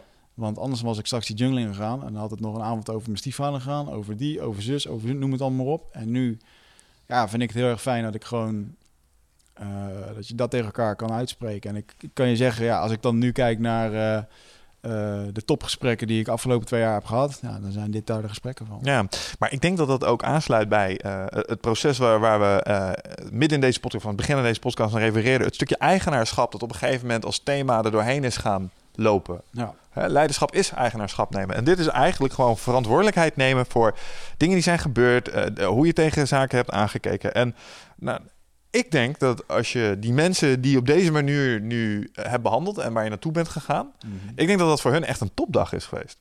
Ja, zeker. Zo van, holy shit, iemand heeft gewoon nagedacht over mij en heeft, heeft stilgestaan bij wat het voor mij heeft kunnen betekenen. En uh, nou, heeft ook wel eens, is ook bij zichzelf te raden gegaan daarover. Ja. En daarmee maak je ook een soort voorbeeld. Want als ze zo worden behandeld, gaan ze het misschien ook wel terug doen op die Absoluut. manier. Ja, dat denk ik ook wel. Oké, en, en, het, en misschien nog het allerbelangrijkste, hebben we het eigenlijk helemaal niet over gehad, maar dat is een stukje vergeving naar jezelf. Ja.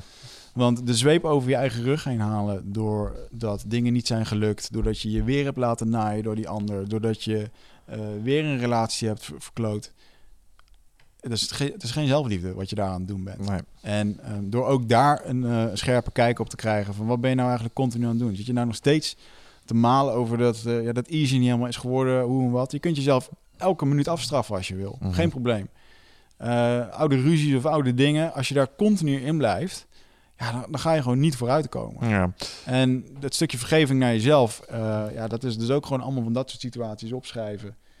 En uh, voor mijn part, uh, ja, de samurais die deden dat met premeditation. Die gingen daar over hun angsten, gingen ze op premediteren. En dan gingen ze alle mogelijke uitkomsten voorbij laten komen. Zodat ze er daarmee konden verwerken. Maar je kan van samurais een boel zeggen, maar vergiffenis, vergiffenisgezind waren ze niet. Uh, Die, die, nou, luister, als je een cruciale fout maakte en jouw gezicht was verloren, wat deed je dan? Ja. Dan snij je je pens open. Nee, Oké, maar goed, dat is dan hun traditie. En hun Maar dat is niet, dat is niet vergiffenis. Nee, nou ja, goed. Dat, uh, er zullen ook wel samurais zijn die bepaalde dingen zijn vergeven omdat ze heel veel goede dingen had gedaan. Ik weet niet. Ik kan het niet voor nee, hun- nee, nee, gekkigheid. Ik kan maar het niet voor hun invullen. Uh, ik vind samurais nog steeds badass. En, zijn het ook. Fucking aardappelschilmessen van die gasten. Maar nee, maar ik denk dat het, dat het hele concept van uh, met die mensen in gesprek gaan en op die manier, zeg maar, um, ja, je emotionele bagage opruimen. Um, ja. ik denk dat dat ook eng is. En dat daar ook een stukje krijger in zit. Want je moet wel iemand onder ogen komen en je moet eigenlijk, ja, dat zal het ego dan in ieder geval zo ervaren, een, klein beetje door het stof. Ja, en, en dat is niet altijd makkelijk. Het is heel ongemakkelijk. En je hebt ook gewoon de, de situaties waarbij je dat soort gesprekken hebt. Dat je vervolgens in de auto naar huis zit en dat je gewoon in één keer zit te janken. Omdat pff, het is echt iets loslaten. Ja. Dat is voorgekomen. En ook ja, in het gesprek dat, uh, dat iemand zei van... Joh, weet je, oh, daar hoef je toch helemaal geen excuses voor aan te bieden. En dat iemand vijf minuten later gewoon wel zat te huilen. En niet kon verklaren waarom. Omdat Hmm. het zit gewoon Ja. diep, weet je. ja, ja, ja, ja. En uh, nou, het voelt voor mij in ieder geval gewoon heel erg fijn om dat, uh, dat erbij te doen. Um, is dat moeilijk? Ja, zeker. En um, dat stukje vergeving naar jezelf, dat, dat mag je ook altijd blijven doen. Uh, want iedere keer als je boos bent, ben je eigenlijk gewoon boos op jezelf. Ja, daar heb ik nog wel een vraag over. Dat is uh, waar, waar ik net ook nog een beetje mee worstel toen je zei van... Uh, joh, je moet niet altijd de zweep over je rug heen halen. Mm. Um, maar ik denk dat er ook een, een omslagpunt is daarin, namelijk zelfrechtvaardiging. Hè, dat is natuurlijk ook een kant. Als je zeg maar um, ja. een, een, week lang thuis en met de pet nagooit... of je zit op kantoor en je hebt al vier dagen niks productiefs gedaan, weet je wel. Dat zijn echt wel momenten waarop ik vind dat je even mag zeggen... hé, hey, kom op gast, dit kan echt niet. En als ja. je dan ook altijd maar zelf vergevend verzint bent... ja, dan komt, een, eh, dan komt er nooit iets van de grond. Oké, okay, maar je kan het volgens doen. Je kan vervolgens zeggen van... hé, hey, we hebben nu vier dagen lopen landballen... we gaan nu lekker aan de slag, gaat gewoon weer doen. Je hebt je Mm. tijd gehad. Of uh, je kan jezelf af gaan straffen door uh, nog meer ongezond te gaan eten, want het is toch allemaal al kut. En dan, ja, oké, okay, oké. Okay, ja, het is je perspectief op de situatie. Ja, ja. en uh, ik denk dat het, het, is voor, het is voor iedereen verschillend, man. Ik kan het niet mm. voor niemand invullen, weet je. Over, want er zullen heel veel mensen zeggen van, nou, ik heb een bepaalde situatie, die vergeef ik hem nooit. hey, dan heb je duidelijk wat innerlijk werk te doen. Ja. Weet je, en maak, het, maak het leven makkelijk voor jezelf. En daarvoor zul je ook je eigen schaduwkanten moeten gaan bekijken. Want het, het, het, vervelende is, of eigenlijk het confronteren is, dat al het slechte wat jij in iemand anders ziet, dat zit in jezelf. Want we zijn eigenlijk alleen maar spiegels van elkaar. Nou ja. En ook het goede. Hè? Maar wat is hetgene wat je wil voeden? Durf dan te zeggen van oké, okay, uh, ik haat diegene omdat hij dit en dat heeft gedaan.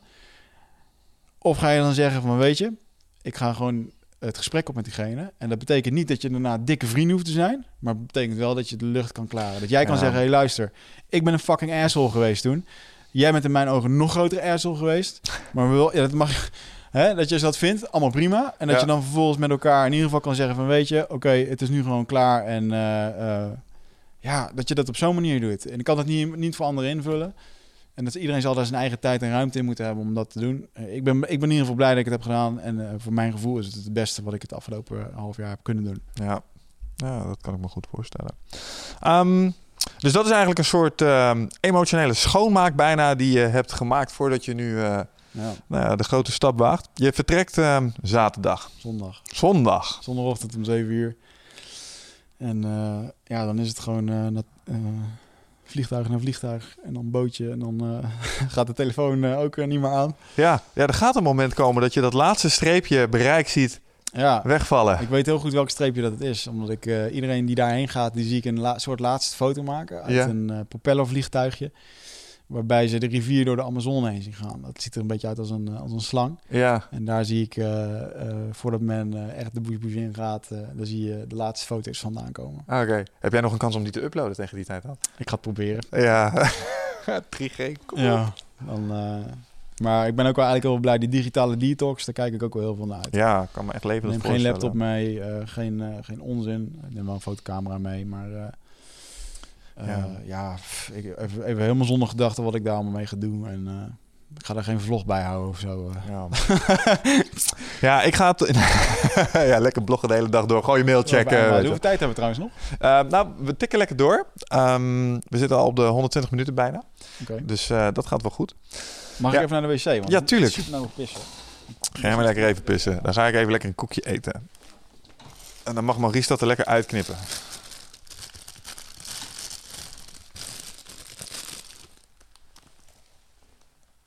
Stroopwafels. Mag die ook niet meer eten straks? Mm-mm-mm. That's a good cookie. Ik kan echt niet wachten om zes weken het Rijk alleen te hebben, jongen.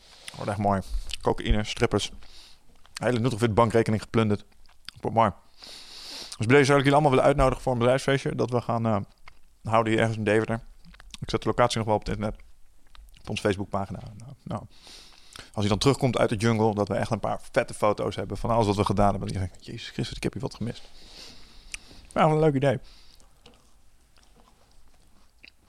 Praktijk waarschijnlijk dat er niks van terecht komt, maar...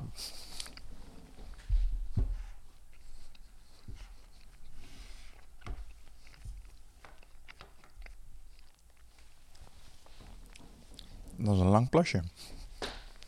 Er een paar eh, prostaatproblemen misschien.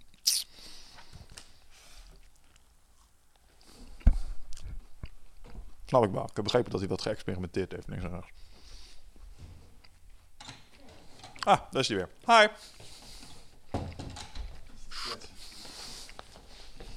We hadden het net even over... We? We met z'n allen. ja, ja, ja. Ik, heb, ik heb mijn plannen gedeeld voor als je weg bent. Oké. En ehm, eh, dat het zo lang duurde dat je, dat je aan het plassen was. Dus dat je Ah. waarschijnlijk weer wat eh, te veel schade had opgelopen tijdens je laatste seksuele experimenten. aan prostaat. Oh, deed, pijn, deed, deed- deed pijn met plassen. Het brandde een beetje. ja, man. Nou, wat ik wilde vertellen voordat je ging eh, plassen was het, eh, was het volgende. En deze ken je misschien wel. Kijk, ik kijk hier natuurlijk eh, op een afstandje na. En ik zie een goede vriend, een kameraad en broeder van me... zie ik eh, hier naartoe werken, zeg maar. En hij gaat iets doen wat echt heel erg spannend is. En ik zie ook dat, jij het, dat, je, zenuwachtig bent. En, ehm, Ja. maar je doet het desondanks, dus dat is heel mooi.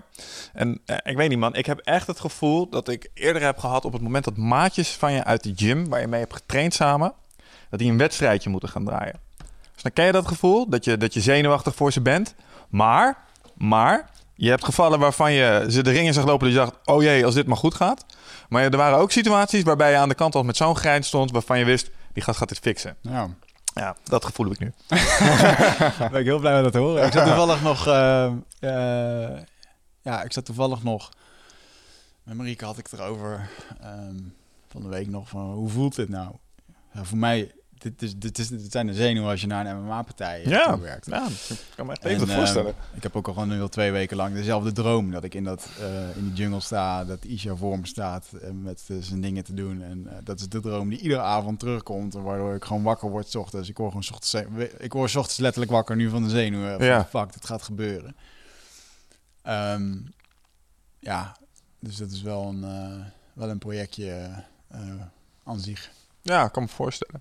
Wat ik het wel altijd vind, is het is ook een hele mooie kans om gade te slaan hoe je nu in je, in je mannelijkheid met dat soort situaties omgaat. Maar je Mm. kan erover lopen bitchen, je kan terugkabbelen en misschien heb je momenten van zwakte ook al wel gehad. Maar desondanks, we gaan wel voorwaarts, weet je wel? Ja, Moed is niet het gebrek aan angst, het is desondanks doen wat er gebeuren moet, zeg maar. ja kan je dat nog een keer halen? Dat is... Mo- Moed is niet het gebrek aan angst. Het Nee. is desondanks doen wat er gebeuren moet. Ja, ja, De- en ja. dat is wat het is. Je mag gewoon bang zijn terwijl je daar... Dan ga ik er weer met de verwachting heen. Ja. Maar denk je niet dat het ook de ervaring kan verrijken? Ja, nou, ik heb natuurlijk heel veel... Weet je, maar er zijn Ja, zo je weet al ontzettend veel, veel rituelen en dingen en dingen die ik heb gelezen. En eh, het is allemaal mooi om mee te maken. En eh, ik heb geen idee, joh. Ik, eh, ik weet alleen dat die man mij daar eh, waarschijnlijk... eh, dat hij daar is om mij naar het uiterste te duwen, maar ook om mij te beschermen. Ja. En dat is eigenlijk hoe dat ik hierin ga. Dat het een... ja, het gaat sowieso een vet verhaal. Ja, toch?